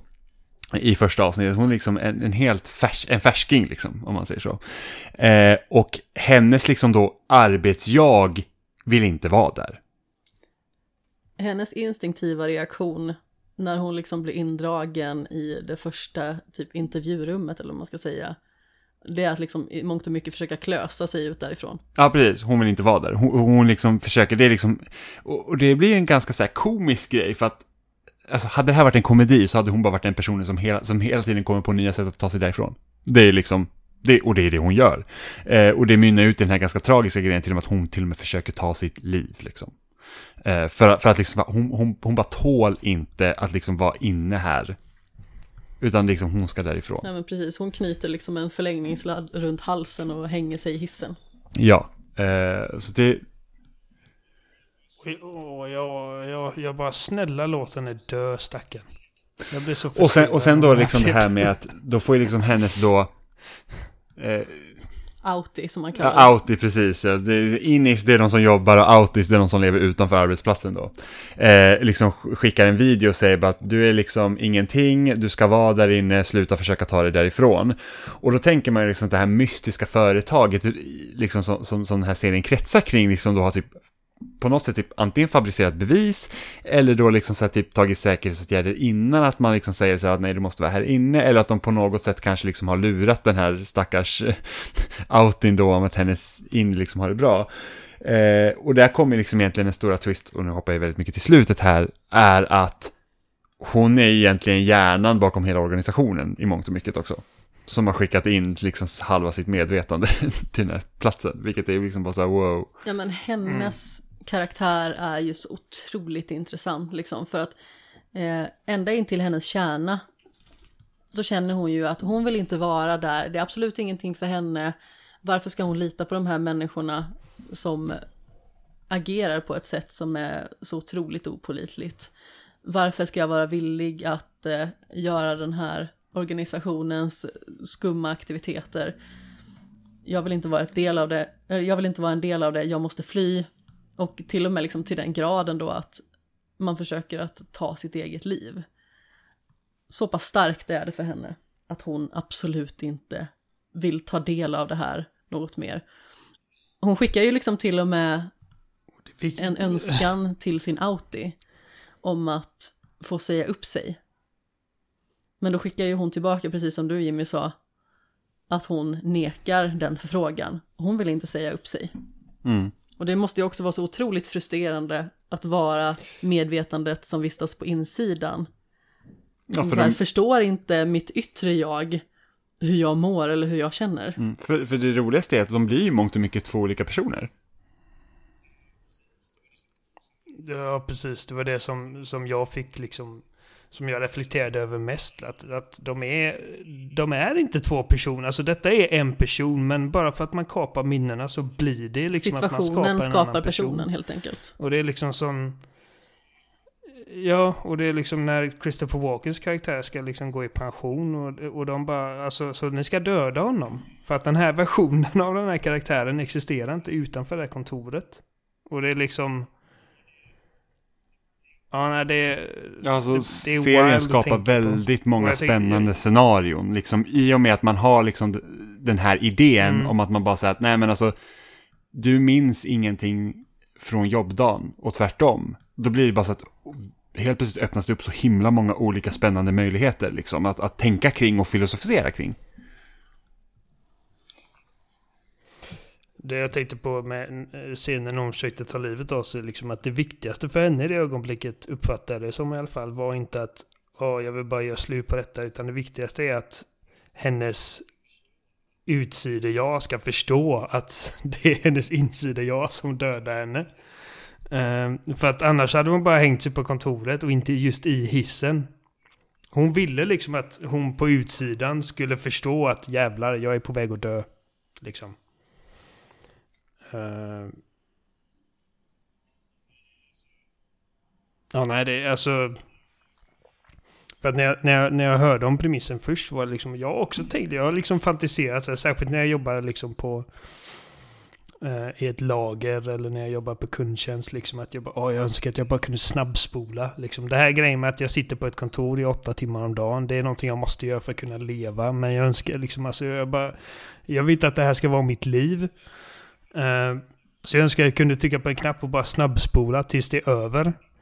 Så det första jag tänkte på detta var, ja men fan, eh, det hade ju varit ganska nice liksom. Att man bara går in och kommer ut. Men det, det, det man inte överväger liksom direkt, eller som jag inte övervägde direkt, var att den versionen av mig som är där inne, är alltid där inne. Och jag vet första gången serien visar den här liksom um, transitionen liksom att okej, okay, ja, jag slutar nu klockan fem, ja, vi ses imorgon, vi ses imorgon. Och så går han in i hissen och sen bara pang är det imorgon och jobbet börjar liksom, det är som en ond cirkel. Och den här serien gav mig sån jävla klaustrofobi och ångest över att liksom, em, liksom sympatisera eller liksom känna empati med de här karaktärerna som är fast i det här liksom kliniska vita kontoret varenda sekund av deras medvetna liv. Att det, jag tyckte det var svårt att fortsätta kolla, även om liksom jag absolut ville fortsätta kolla. Jag och min fru vill liksom sträckkolla den här på ett par kvällar bara för att vi blev så jävla fast Med all rätt. Uh, men, ja. Men, uh, men det var ändå lite del av mig som bara, gud, alltså jag, jag, jag, kan inte existera i det här liksom kontorsutrymmet liksom mer än en stund i taget.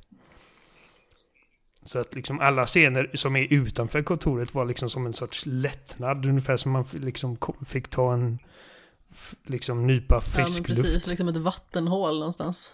Uh. Ja.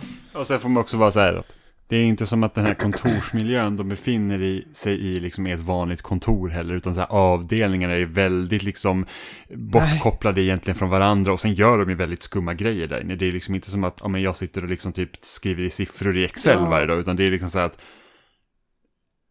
alltså, Nej, men precis. De det är bara så här, känner du inte så här upp, alltså känner du inte att du gör något viktigt här? De intalar sig själva att det de gör är väldigt viktigt. Ja, men precis.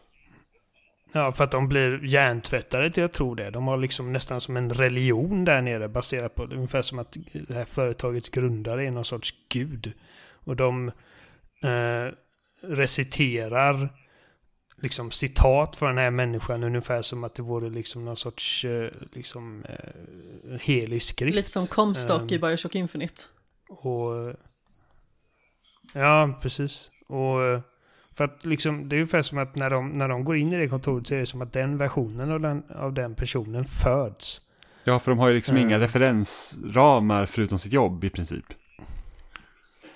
Nej, det finns inga fönster någonstans. Det är liksom, alltså strukturen på det här kontoret är som en jävla feberdröm. Liksom att korridorerna är som en jävla labyrint. Uh, allting ser likadant ut överallt. Och det är... De har liksom the break room eller fikarummet där de straffas och de tvingas liksom läsa en passage om... Eh, be om förlåtelse. Att, liksom, be om förlåtelse och liksom att det är jag som har typ... De säger inte syndat, men det är ungefär som att de säger att de har syndat.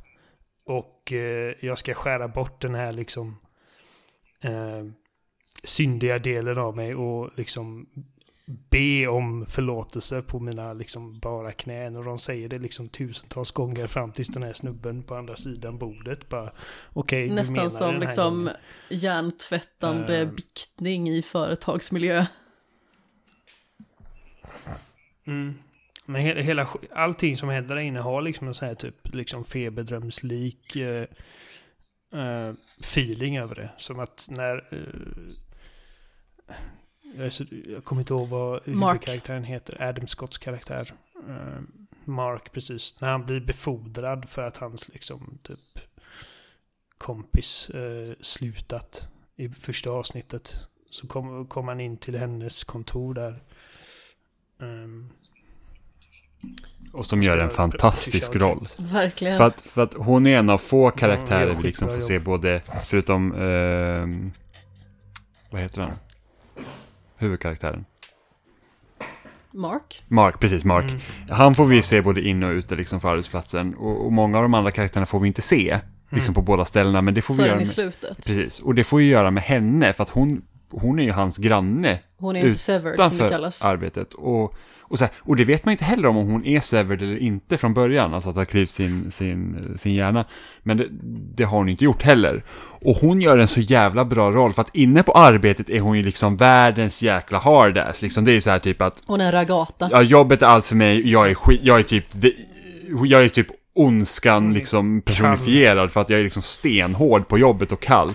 Och sen när hon är liksom då på, när man får se henne utanför jobbet då när hon bor bredvid Mark, då är hon världens typ varmaste människa. Hon är nästan lite den här jobbiga grannen som liksom så här, lite, mm. nosar lite i andras business.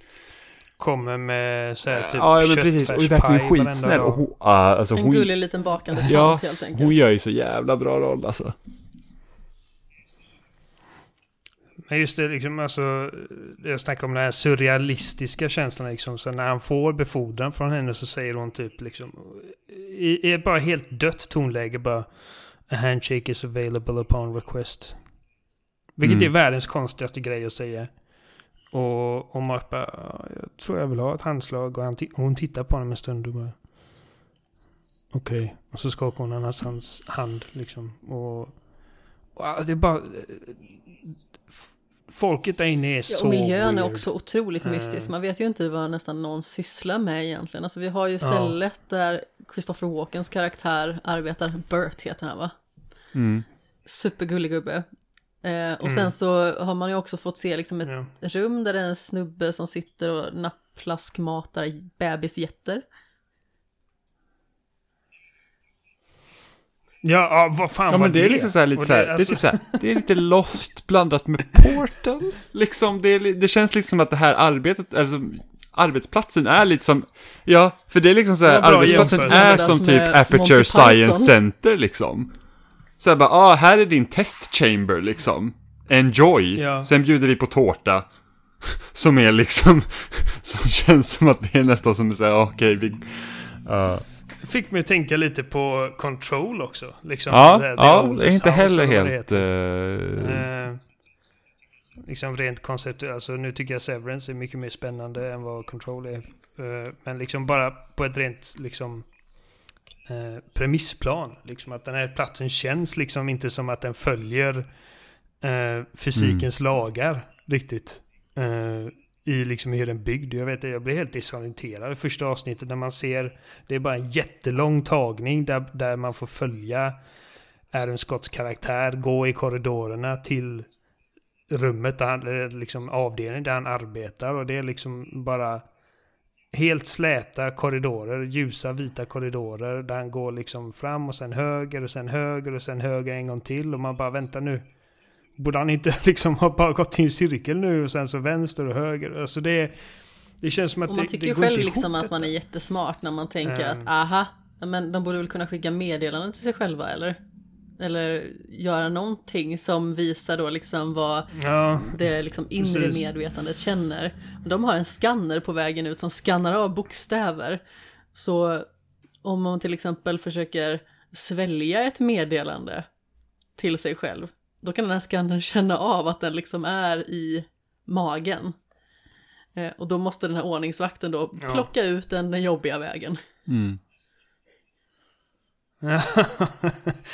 och jag kommer första gången när, när man får se Helly försöka lämna kontoret. Eh, och detta var ju liksom innan man fattar liksom att detta är, är ju typ en ondskefull organisation. Utan eh, hon, hon gick ut och liksom bara kom tillbaka direkt. Och jag tänkte först liksom att vänta nu, är, är det liksom typ en Ja, trickdörr eller att det är en någonting? portal, Liksom, Det här är liksom. någonting som gör att liksom Ja, precis. Det, det är omöjligt att ta sig ut. Men det som egentligen händer är att hon kommer ut. Så fort hon går igenom dörren så är hon Som sitt går in vanliga igen, för att hon liksom, vill gå in. i- Ja, för hon bara, nej men du ska jobba Ja. här liksom. Precis. Så att hon står för samma situation på Och utsidan. då tar hennes inmedvetande... Ja. Och precis när hon går in igen så tar hennes inmedvetande över igen. Och liksom för henne är det som att liksom... Ingen tid alls har passerat. Hon har bara... I samma ögonblick som hon går över tröskeln för Ja, att komma bara ut går hon absolut in igen. inte. Och sen så kliver hon ut liksom- och så är hon sitt yttre jag och bara "Här- kan jag inte vara, nu Ja. ska jag in. Ja. Alltså så surrealistiskt och liksom men ändå så jävla smart uttänkt och så... Vilket Mm. jävla mardrömsscenario. Jag sa det till Jimmy när jag började kolla liksom att alltså... Det finns inga pengar i världen någon hade kunnat erbjuda mig Mm. för att ta ett sånt här jobb. Men sen liksom. är det egentligen inte bara arbetsplatsen som är konstig för att eh, liksom miljön utanför är ju också lite skum. För du har ju liksom så här Vem att, kan man lita på? Ja, för att det är också så här att det här stora företaget då, de, som Mark, han bor ju liksom i, det huset han bor i är ju ägt av företaget. Så jag börjar ju fundera på så här, är, är liksom alla människor kring Mm. Mark liksom del i något form av experiment? Och att han är liksom, lite som det här, eh, heter det The Truman Show med Jim Carrey va? Ja, precis, när allt, det är liksom en reality Ja, som liksom kretsar kring honom egentligen. Eh, för att liksom, när hans syster ska föda barn, då får de ju åka till någon så här jävla typ stugby, liksom där, där alla typ mammor åker och ska föda barn i. Men jag tror att det Det är också en så här märklig kändes- grej. Jag säger inte att du inte har Men- fel, men, men... Eller jag säger inte att du inte har rätt, men jag uppfattar det mer som att hennes, hennes man är ju sån jävla hippie-tjomme. Och det kändes liksom precis den typen av plats. Ja, men precis, absolut. men det tror jag också liksom att det var snarare att de ville att de skulle åka till något särskilt ställe där en doula skulle förlösa ungen istället för att de skulle åka liksom till ett sjukhus. Ja, jag, jag, precis, jag tror inte att, jag tror inte att liksom utsidan är också ett experiment, men liksom att staden de bor i är också weird. Liksom att det, det, det är liksom inte, det är Ja, inte men- riktigt men, liksom så här att, Ja, det är en opålitlig miljö. ja, hela stället runt omkring. Ja. Jag förstår vad du menar, för att under seriens gång så ifrågasätter man allt. Liksom. Alltså jag menar, nu, nu när man har sett hela första säsongen så har man ganska bra koll på hur saker fungerar, vilka som är vilka. Eh, men genom seriens gång så liksom man, man, vet, man vet inte riktigt någonting om vad som gäller någonstans. Och... eh, eh, men alltså, ja nej, det, usch, bara, Ja. jävlar. Men det är, det, är, det är en alltså. kanonserie verkligen. Alltså, alltså, själva idén, liksom, även om den...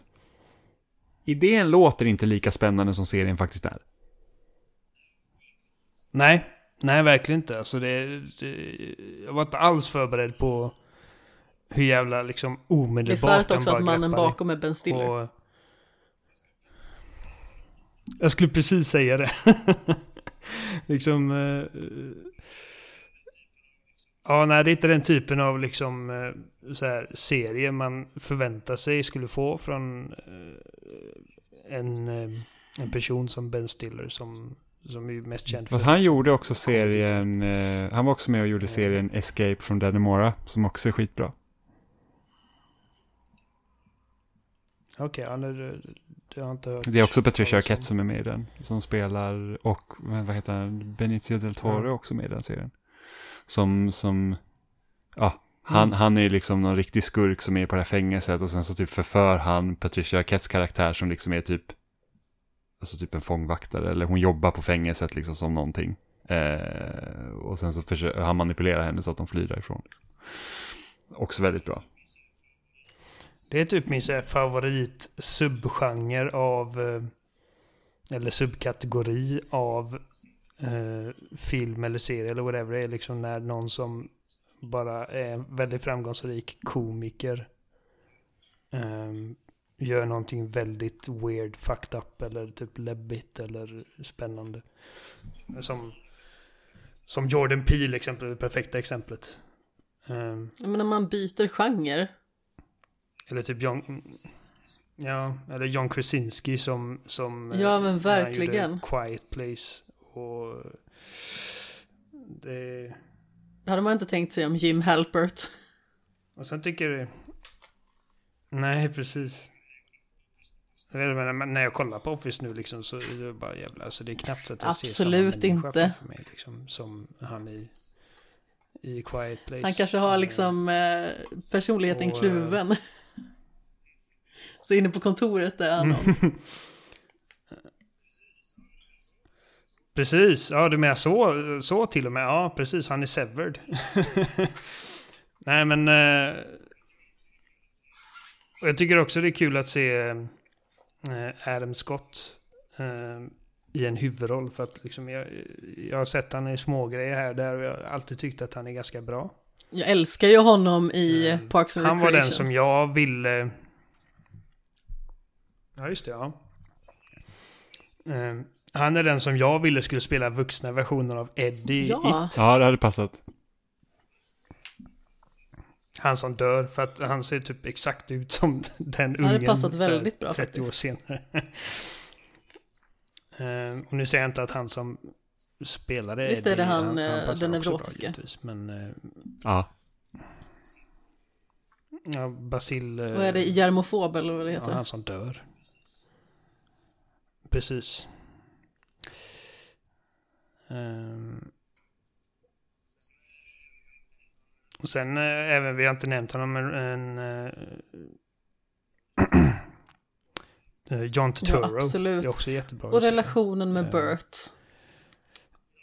Alltså det är så himla ja. fint hela vägen igenom. Jag gillar verkligen den. De är så gulliga. Det, det, och hans hjärta som krossas. Jättesöta. Men det är också tragiskt.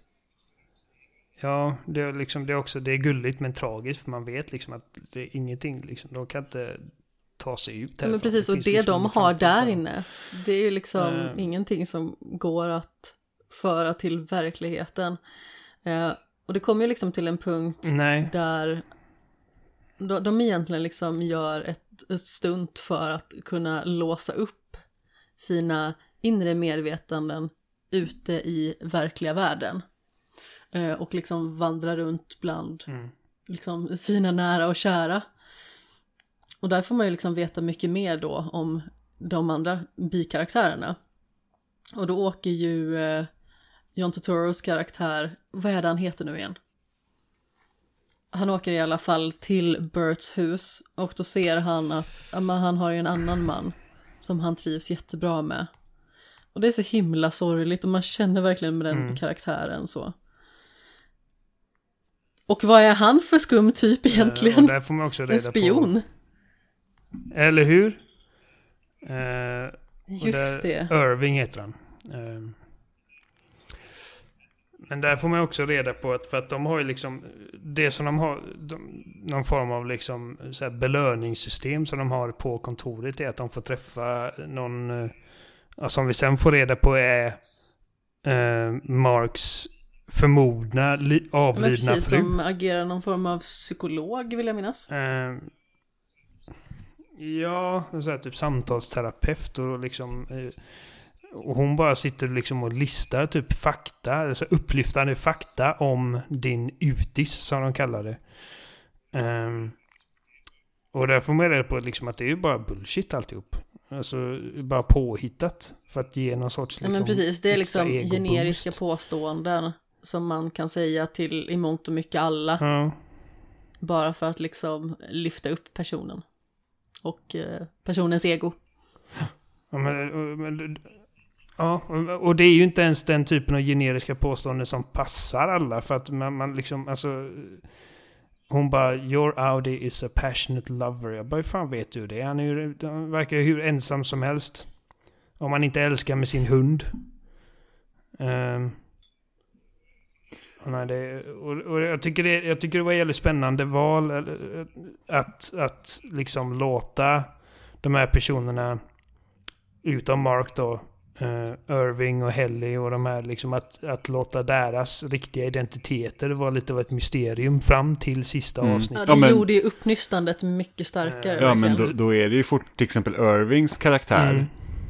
Alltså, han, när, när man liksom, när hans inni liksom får ta över Audi, då, då liksom så här att vem är han? Vem är jag? Alltså det är så här att han vet ju inte vem han är och vi som tittare vet ju inte heller vem han är utan vi sätts ju egentligen i samma Nej. position där. Det är så här bara, okej okay, han liksom sitter och dokumenterar massa olika grejer så bara, är han en spion? Liksom, vad är hans anledning till ja, att ha precis, blivit severed? Ja, han håller koll på dem. För att jag tror att han har en väldigt specifik anledning till att ha blivit severed. Liksom Mark är, Mark är ju bara ledsen. Det är liksom hans Han är ju djupt förstörd som mm. människa på mm. grund av att han har förlorat sin fru. Men precis. Helly, hon ska liksom bevisa någonting. Liksom för alltså, att hennes företag gör det här att, åh, det här är en grej som alla borde göra, eller någonting. Så att liksom, det ska gagna det stora företaget. Oh. Vilket också... Och de typ eh, skyltar med de hela fotografierna på dem när de är in i kontoret. Alla ser så lyckliga och glada Ja, vilket, och det är jättespännande. Och sen har vi han den här... Eh, Dylan. Dylan som liksom säger att han kanske bara är där, liksom. vi, vi har ingen aning om vad han är. Han, han verkar, liksom, hans, hans Inni verkar vara liksom en sån här sad, typ incel-liknande typ, och sen hans Audi har familj och allting, liksom, verkar vara en helt annan... Tre barn. Ja, precis, helt annan person liksom. Eh, han blir ju helt annan så fort han får reda, han, för att han han får ju ta sig över där i sin typ garderob och han ja. råkar få se sitt barn. Ja men precis, och det, och det är så här, det hade man inte kunnat vänta sig genom att bara liksom att få ha sett hur han är på arbetsplatsen. Och sen då Irving då som håller på med något, någonting Nej. fuffens liksom. Ja men precis, det symboliserar ju också ganska så fint att om man inte har meningsfulla alltså konversationer om sitt yttre liv för att fördjupa relationen med de man jobbar med till exempel, då är det ju fördomarna som tar över.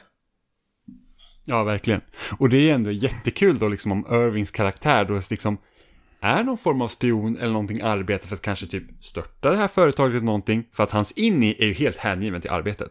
Alltså verkligen så här älskar det han gör. Bara, vi ja. gör så himla viktigt arbete här. Det här är liksom, jag brinner för mitt arbete. Vilket också är kul för att han brinner säkert för sitt arbete på utsidan också. Liksom. Mm, men, men, han gör någonting annat. Men det är på en annan sida av det.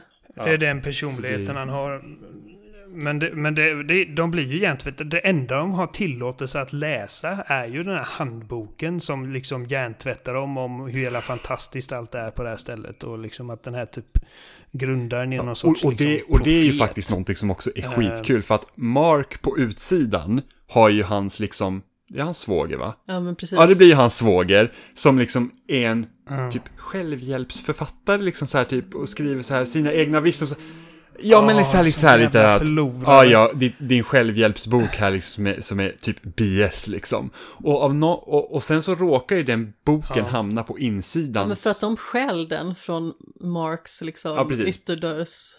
Marks chef stjäl den. Marks trapp. Ja, tar den från Marks trapp och liksom råkar föra in den på kontoret. Och sen så hamnar den då i den här av, liksom de här arbetarnas händer då. Och så börjar de läsa den och bara så här det blir typ deras bibel nästan. Alltså inte i ett sektliknande grej, men liksom den hjälper ja, dem liksom att typ att okej, okay, vi lever i en jävligt fucked up situation här inne. Och liksom, och då... Det, det första de har utsatts för liksom typ ett, något sorts narrativ om att du är värd mer ja, än vad ditt jobb ja, är. Liksom. Och det är som liksom att... Eh, som ja, att en ja, men så den boken är typ fylld av sådana här motivational quotes som man liksom gör sig rolig på på sociala medier. Ja, ja men exakt. Ja. ja. och, och sen liksom då, så då, då, blir liksom det så här, och det är ju så kul när sen Marks Inni får ta över liksom Marks Audis kropp. Och är på liksom, releasepartyt. Och är på releasepartyt i den här boken och typ får se honom och bara såhär bara Alltså du, du har, ja, du har hjälpt mig så mycket liksom. Det, det är liksom, det, det, det, det är så, det är så, så svart humor roligt. när det är som bäst egentligen. Liksom. Ja, det är fantastiskt. Ja. ja. Och, och han bara, din bok har hjälpt mig så nog. Han bara, fan du driver med mig för att, för att han är så jävla sarkastisk mot honom hela tiden.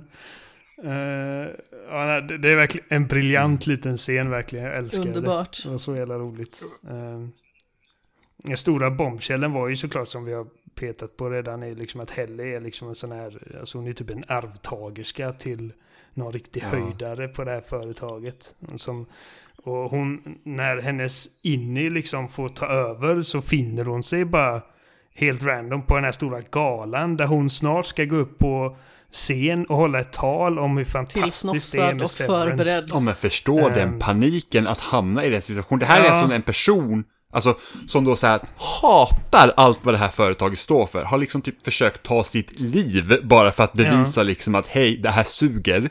Och sen så bara så här att, oj, jag är liksom personen bakom allt det här typ. Jag är en del av problemet. Ja, ja men jag verkligen så här bara, jag är Precis. visst en del av problemet. Så bara, det blir så här, när det blir så här personal, nästa personalfest, lite awkward. Liksom, Are bara. we the baddies? ja, och liksom, och man får ju känslan av liksom att hela syftet med den här typ tillställningen är liksom att de ska försöka övertala folk i maktpositioner liksom att, att uh, stifta lagar och sånt antar jag. Liksom att övertyga dem till att mm. detta är någonting värt att satsa på.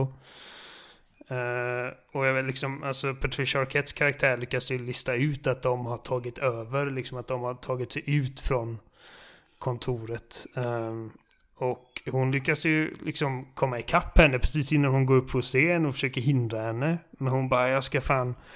Jag ska eh, liksom bränna ner ditt företag. Hon bara, det är ditt jävla företag. bara, jo, det är helt... Uh, alltså vilken jävla... Vilken grej alltså. Liksom det, det, det är verkligen en sån serie som man, liksom, ja, man alltså tänker och tänker kan... och tänker. Alltså bara, bara det att vi pratar mer om den just nu gör bara att jag gillar den ännu mer. Ja, ja men verkligen. Ja, man upptäckte nya saker hela tiden, och, också sådana här eh, små grejer som man tyckte var så himla fina. Eh, men också liksom att när serien börjar knytas ihop, då känns det liksom som att man får pusselbit för pusselbit. Och det känns som att man liksom bara matas med mer saker som man tycker är gott, men hela tiden nya saker som man inte blir trött på det. Så det är så här, här kommer den här beståndsdelen Eh, som i symboliken kanske då är choklad. Och sedan så kommer ett kex. Alltså liksom så här, man matas med nya grejer hela tiden som man bara älskar. Och sen kommer liksom där klimaxet där Mark får reda på att hans fru inte är död.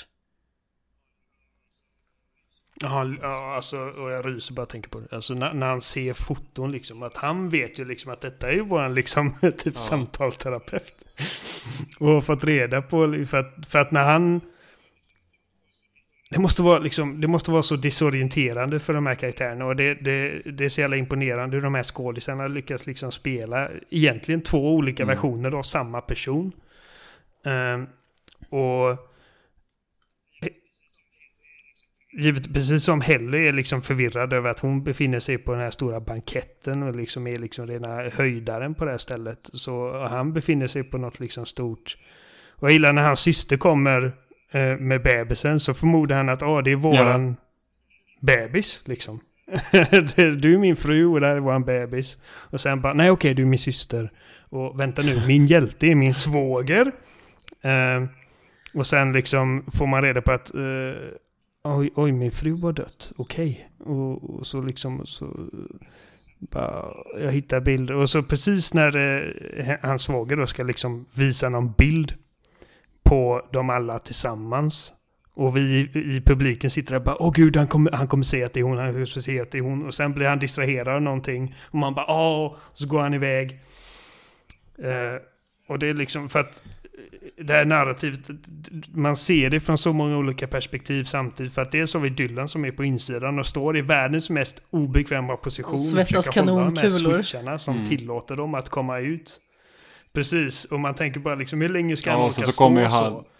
Nej, och så kommer den här jävla säkerhetsvakten dit som vet vad de håller på med och så kommer han typ the shining moment liksom och ska slå in den där jävla dörren samtidigt som Dylan... Samtidigt som liksom... Precis. Och försöker muta honom till att bara jag lovar du ska få typ, ja, du ska precis. få mer Och sen så står ju Dylan där som är, liksom, är ju en kortväxt person och försöker göra sig så lång som möjligt så han ska nå båda de här switcharna som är varsin sida av den här jävla panelen liksom. Och så bara, mm. och sen så precis och samtidigt så har vi liksom Helly som står på där och liksom står på där eh, och berättar att jag försökte fan ta livet av mig. Det här suger, det här är hemskt, jag är en eh, innis, bla bla bla. Och exakt som detta händer så har vi eh, Mark som inser att min fru lever och liksom allt det här händer samtidigt och kulminerar till bara den mest jävla svettiga jävla säsongsavslutningen jag ja, sett alltså det på var flera, liksom helt, år. Alltså. alltså det var när det, det avsnitt, alltså man har ju suttit som på nålar hela avsnittet för man känner ju sig lika obehag, liksom ja. de, alltså den här obehagskänslan som de, deras karaktärer känner när de är liksom på utsidan, det, det känner man ju själv hela tiden. För att vi känner ju till alla de här olika relationerna som de egentligen ska ha. Men vi vet ju liksom inte så här, hur kommer de reagera? Ja. Och man sitter bara så här, oh my god, oh my god, och sen så bara, oh, och du måste, och så kommer ju liksom han så här, Patricia Arquette som är den trevliga grannen som vet om att de liksom, okej, okay. hon är liksom i hela den grejen och han blir ju skiträdd för att hon han... har ju nästlat sig in som eh, systerns barnvakt. Ja, ja, precis, och han liksom bara så här, åh oh, nej, har vi en relation på utsidan liksom? Och, och, och ja, för han kallar ju hennes... Liksom Ja, hon, hon har ett helt hon annat, smart. hon har ett annat namn som hennes, liksom, när hon är utanför jobbet, som hon är insidan. Och han kallar henne för fel mm. efternamn liksom. Och då bara, what? Ja, för varför skulle ja, hon inte ha samma namn bara... ute liksom? han försöker låtsas som att han ja. är sitt vanliga jag. Ja. Eh, men hon blir misstänksam direkt för att hans liksom, Ja men det är inte så jävla konstigt för han har ju så jävla stor respekt liksom. för henne liksom som Inni. Och liksom, alltså han får ja. typ en glass mellan skinkorna liksom när, när han ser henne och så oj. Jag Vad gör du här? Precis, och sen där några, och några sekunder när man inser att vänta, har hon tagit bebisen och stuckit iväg med bebisen? För att eh, hon ger ju ungen till henne. Och det ögonblicket när han inser liksom varför är min chef här? Och hon bara vadå din chef? Ja men hon eh, mrs bla bla bla. Och den här paniken av att jag gav till min superskurken. till liksom Ja, någon jävla främling. Alltså det är så många grejer som händer samtidigt där på slutet. Alltså sista liksom avsnittet. Nej, förlåt Och sen tänker man på... Men sen tänker man också på liksom frun som, som for all intents and purposes är död. Liksom på utsidan. Vad är det för komplott? Men hon lever där inne. Alltså, så att hon... Hon existerar ju förmodligen inte utanför det här kontoret alls. Vad gör de med henne när de inte har henne henne liksom, Hon är förmodligen på arbetsplatsen 24 timmar om dygnet liksom. Hon får ju aldrig gå ut. Hon sitter säkert i något jävla ja. Matrix-bad liksom någon annan, i deras jävla lokaler någon annanstans. Alltså sist... Ja. Sista avsnittet, ja, nej, det... fram till de sista fem minuterna typ, det var så här... Alltså det var så här lång inandning och sen så kom det liksom bara en kaskad av alltså uppenbarelse för karaktärerna. Alltså det var helt ja. makalöst och fantastiskt. Det, det, det är en masterclass i bara suspense building. Alltså hela ja. den här Jag serien, undrar verkligen hur säsong två um, kommer vara alltså. Och det är nästan så jag önskar att det är typ den sista säsongen också. För att det, det, händer, det händer så mycket i slutet här liksom att okej, okay, men det, det, är liksom så här att de här delarna måste ju lösa sig under nästa säsong. Sen så kan man ju säkert, här, sen kan det ju bara liksom säkert byggas och bli större och större, mm. men det är typ som, det här kanske inte är världens bästa jämförelse, men typ Prison Break. Alltså, Prison Break finns för typ fem säsonger av. Varav majoriteten av dem är skitdåliga. För att det är liksom, du har första säsongen som handlar om att okej, okay, vi ska bryta oss ut ur det här fängelset, vi har den här planen. Säsong två handlar om att okej, okay, nu har vi brutit oss ut ur fängelset, hur håller vi oss undan liksom? Och sen knyter de typ ihop säcken väldigt bra i slutet av säsong två. Det är liksom så här, allt löser sig och sen så bara, ja ah, men just den här grejen också så vi kan fortsätta. Och sen blir serien skitdålig. Låt oss bryta mm, oss ut igen. Ja, ja, precis. Men de två första säsongerna, jag vet att många tycker att säsong två är jättedåligt. De bara, oh, nu är de utanför fängelset, det är inte lika bra längre. Men det, det var en naturlig liksom, det var en naturlig fortsättning på berättelsen. Och sen är den klar. Men sen var det så här, oj vad poppis det är, nu gör vi säsong tre som, nu ska vi bryta oss ut ur ett fängelse igen. Och du har en vecka på dig att lösa den här liksom fängelset. Och man bara, men alltså snälla någon, han planerar, liksom det förra fängelset planerar han i flera år. Vilket kändes liksom som en trolig sak och sen blev det så här pajigt. Mm. Och sen så bara säsong fyra, då bara oj, nu är det en sån här jättestor organisation som har mörkat allt det här och nu är det typ, alltså det, det, det är lite så här Fast and the Furious nivå nästan. Men det blir liksom blir. lite så här, hur skulle det bli om vi gör The Shawshank Redemption 2? Ja men typ lite så, och sen så finns ju säsong 5 nu som utspelar sig ja. efter säsong 4, såklart. men liksom som ut, alltså det, det, var ju så här typ en re, alltså den, den, den spelar de ju in i jättemånga år senare, jag har inte sett den, men jag antar att den är dålig. Men liksom de två första säsongerna, det var liksom, då var typ bland det bästa jag hade sett. Och så spännande. Alltså det, det, det är det som gör mig mest nervös eh, när man börjar liksom fundera på hur framtida säsonger och sånt ser ut. För att det, jag ser inte riktigt det här konceptet. Vi, vi, vi pratade om detta, på, om detta på spelsnack också eh, för ett tag sedan. Och, och, det jag sa då var liksom att även det bästa konceptet har liksom en gräns på hur länge man kan ja. dra ut på det. Eh, och jag hoppas verkligen att de har liksom typ den integriteten och den återhållsamheten att liksom kunna säga att okej, okay, här är slutet. Liksom. Uh, istället för att okej, okay, oh, vi får så många tittarsiffror, vi måste liksom hitta mm. på jag, nya grejer hela tiden. Som jag känner att Walking Dead, eh, liksom, bara, någonstans där så blir det bara att det, liksom, ja. de bara trampar vatten med den här serien. Och jag vet att liksom Lost, jag tror att ögonblicket och jag kände bara att det här är liksom nu vet jag att du älskar Lost Jimmy, men... Ja, passa dig. Lost för mig var liksom att de tog sig av ön. Och... Eh, men de tog sig av ön efter alla om, liksom, om och men. Eh, och förluster på vägen och sen bara vi måste tillbaka och jag bara det här är det sämsta alltså, jag sett i mitt liv. Jag tror skillnaden liksom med Apple Plus är att de, de är liksom inte avhängda på att de har en succé-tv-serie de säljer liksom mobiler för flera miljoner per år liksom. Eh, Medan till exempel ta ett nätverk som ABC mm. och så bara, oj, här har vi den här serien som alla tittar på nu. Ger oss reklamintäkter, det är klart man fortsätter det mm. så länge som möjligt då. Eh, och sen så Lost, Precis. alltså planen för Lost var ju egentligen liksom att Alltså de här idén liksom att de ska komma av ön och sen ska tillbaka igen, liksom, det, det har ändå funnits med liksom, i deras planering för serien sen tanken. Problemet var ju att de måste ha typ 24 avsnitt per säsong. Och de fick inget slutdatum på serien fast de ville ha det. För att de bara, nej men ni får fortsätta liksom indefinitely tills vi känner att det inte är värt det längre. Och det var någonstans i typ i mitten av säsong tre som, som ABC sa, okej okay, men nu, nu kan ni liksom ta, ni får typ tre säsonger till och knyta ihop säcken på. Och det är klart, då blir det ju så. Eh, här så... Exakt. Och när jag tittar på sista avsnittet av Severance så jag har så svårt att se hur detta inte skulle liksom kunna leda in till någon sorts liksom eh, avslutning. För att liksom... Alltså det absolut värsta hade varit om nästa säsong börjar med att de lyckas komma på ett sätt att bara radera deras minnen från senaste typ ja. dygnet. För, för, att det är en sån grej som jag kan, jag kan se liksom en pajig författare ja, fast samtidigt kunna göra. Så, alltså, Marks syster äh, vet om det nu. Hur det är på insidan. Och Helly lyckades säga någonting. Mm till publiken innan de lyckas liksom stänga av det. Så att det är liksom, ja, ja. det är för många som vet för att Exakt, det bara ska kunna det, liksom bara hyschas, känns det som. Precis, och det är därför jag känner liksom att jag har svårt att se hur, hur det kan fortsätta så mycket i Det beror ju på liksom hur den här staden runt uh, det här företaget då liksom hur stor kontroll har de där? Liksom att de skulle ju kunna blåsa upp det liksom större. Mm. Men alltså förhoppningsvis så är det liksom att vi, vi har fått en jättebra säsong 1 och säsong 2 blir liksom den avslutande delen. Men när var det senast som jag såg en serie som bara hade två säsonger? Jag vet ju att det är flera serier nu som har haft liksom en säsong. Som liksom var så att det här, det här är liksom serien. Station 11. Ja men Station 11 till exempel. Uh, Normal People var ju också en sån grej. Ja, Ja, men miniserier är guld. Det, jag, jag älskar miniserier. Är det någon serie som har haft två um, säsonger så bara så säsong ett, säsong två så blir den liksom klar sen? Det kan hända att det är någon typ på Netflix-serie som jag sett det var så att ja, men det är bara två säsonger och sen är den klar liksom. Men jag minns inte nu. Alltså jag vet att det finns typ, alltså det finns ju serier där de ja. liksom känt sig tvungna, typ som Death Note är ett exempel.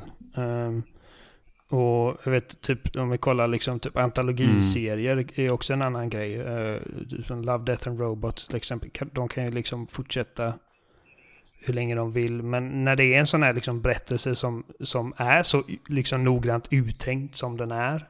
Jag måste ju liksom ändå föreställa mig att de har liksom ett, ett hum om hur de vill fortsätta den här berättelsen eller, och mm. hur de vill att den ska sluta. Black Flag slutade efter fyra säsonger. Um, och den, fick, den slut, slutade ju liksom, den hade ju ett tydligt slut. Mm. Ja, det är fyra, nej, Men det är fyra, fyra säsonger, ja. det är inte två säsonger. Liksom. Det, jag vet inte, alltså fyra säsonger av detta hade känts tröttsamt tror jag.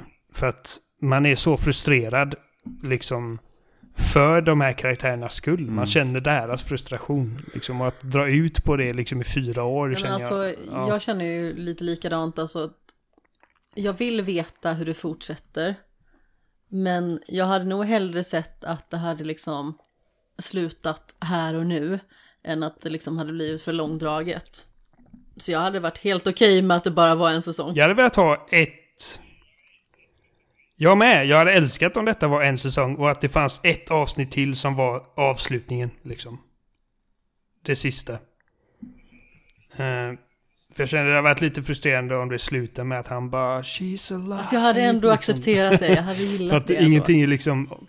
Lite okonventionella slut.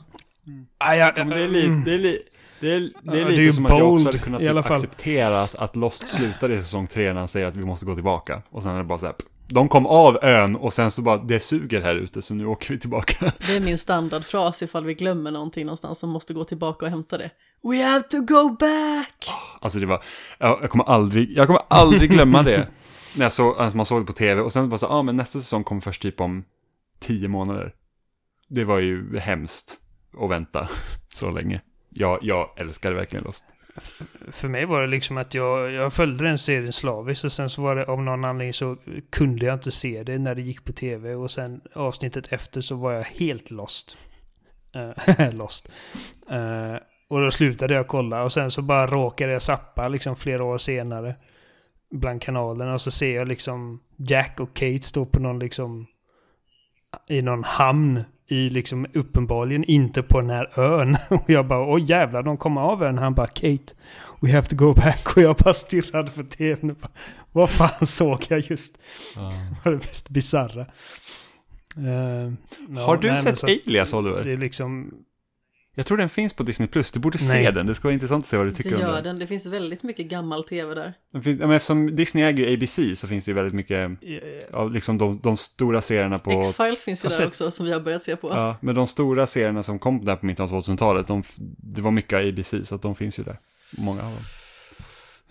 Jag har sett många, många avsnitt av Alias, men alltid liksom så här typ disconjointed. Ja, det, och, det finns en övergripande liksom, liksom, mytologi bakom serien, men sen är det väldigt mycket så här eh, case of the week liksom. Eh, men den, den, är väldigt spännande. Alltså, mm.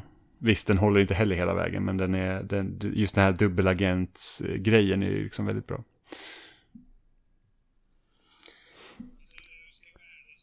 Alltså, jag ska vara ärlig och säga att, att chansen inte är stor att jag faktiskt tar mig tid att kolla på den. För att alltså, det finns så mycket jag vet, jag vet, att det, jag vet att det finns för mycket. Jag vet att det finns för mycket, men det... det, det, det, det jag satte upp ja, ja, men den borde du se för att det är typ så här, alltså typ avsnitt fem i säsong två, det kan vara det sjukaste jag sett. Det var bara så att, alltså det är typ bara värt att kolla fram till den punkten bara för att se det.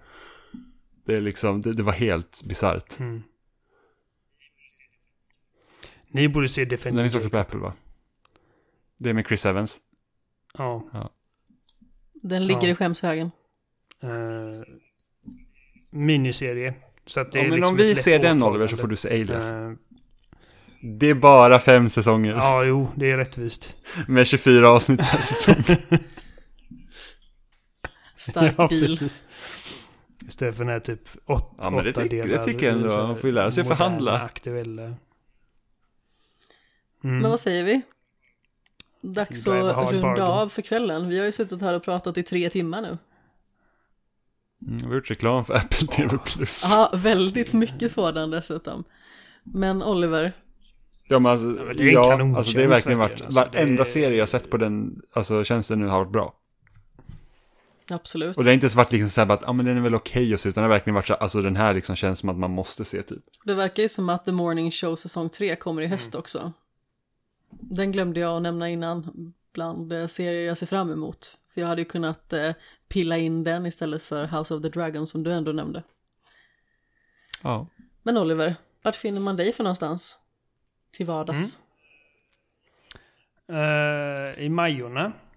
Uh, och på Twitter, uh, bara Oliver Thulin. TH. Um, ja, det är typ där jag hänger egentligen. och även i spelsnack. Och på spelsnack. Ja, precis. Men jag tänkte, du säger sig självt kanske. Men... Jimmy? Ja. ja. Mig hittar man också på spelsnack. Och på loading.se. Ja, och mig finner man ju på sociala medier i form av Kapten Sten, Sten med två E. Jag pratar också i spelsnack som eh, droppar avsnitt varje vecka och eh, skriver även texter för loading. Om man lyckades missa lilla mysiga spelet Unpacking i fjol så ta gärna en kik på min recension och eh, för allt i världen spelade. Eh, idag är det ju Kristi himmelfärd, men... Eh, så nu flyger vi iväg. Ja, men precis. Men när avsnittet eh, släpps så är det förmodligen måndag, så grattis på födelsedagen, Jimmy. Jaha, tack. Fyller 31 år, hur känns det? Ja, det känns precis ja. som att fylla 30, ingenting alls. Det är min standardfråga alltid när pappa säger så bara, du fyller år idag Jimmy. Så man bara, ja. Så bara, hur känns det? Så bara, ingen skillnad. Nej, det är ingen skillnad. det är liksom var, varenda år. Sen man typ var typ 10. I fjol när Jimmy fyllde 30 så satte jag upp eh, en banderoll där det står grattis Jimmy. Den sitter fortfarande kvar för vi inte orkar ta ner den. Mm, jag har, jag har, varje morgon när jag kliver in i köket så kan jag säga ett grattis Jimmy och jag tänker ja, det är lika bra att gratulera med att jag lever idag också. Att du får bo här i Alingsås ja. framförallt. Grattis Jimmy. Jag tänker alltid när man säger grattis någon, så tänker jag alltid på de här Dressman-reklamerna från så här tidigt 2000-tal. Så här, gratt, grattis Linköping, ja. Battistini, 3 för 99, eller vad du nu säger liksom. Och så de där jävla männen i kalsonger som kommer upp ur vattnet. Det var liksom, ja. Ja, oh, gå i slow motion. Dun, dun, dun, Grattis Jimmy! Ja. och eh, med de välvalda orden så säger vi eh, godnatt och eh, puss i ljumsken. Hej då! Tack för den här gången. Nu ska jag äta pannkaka. Jag ska bära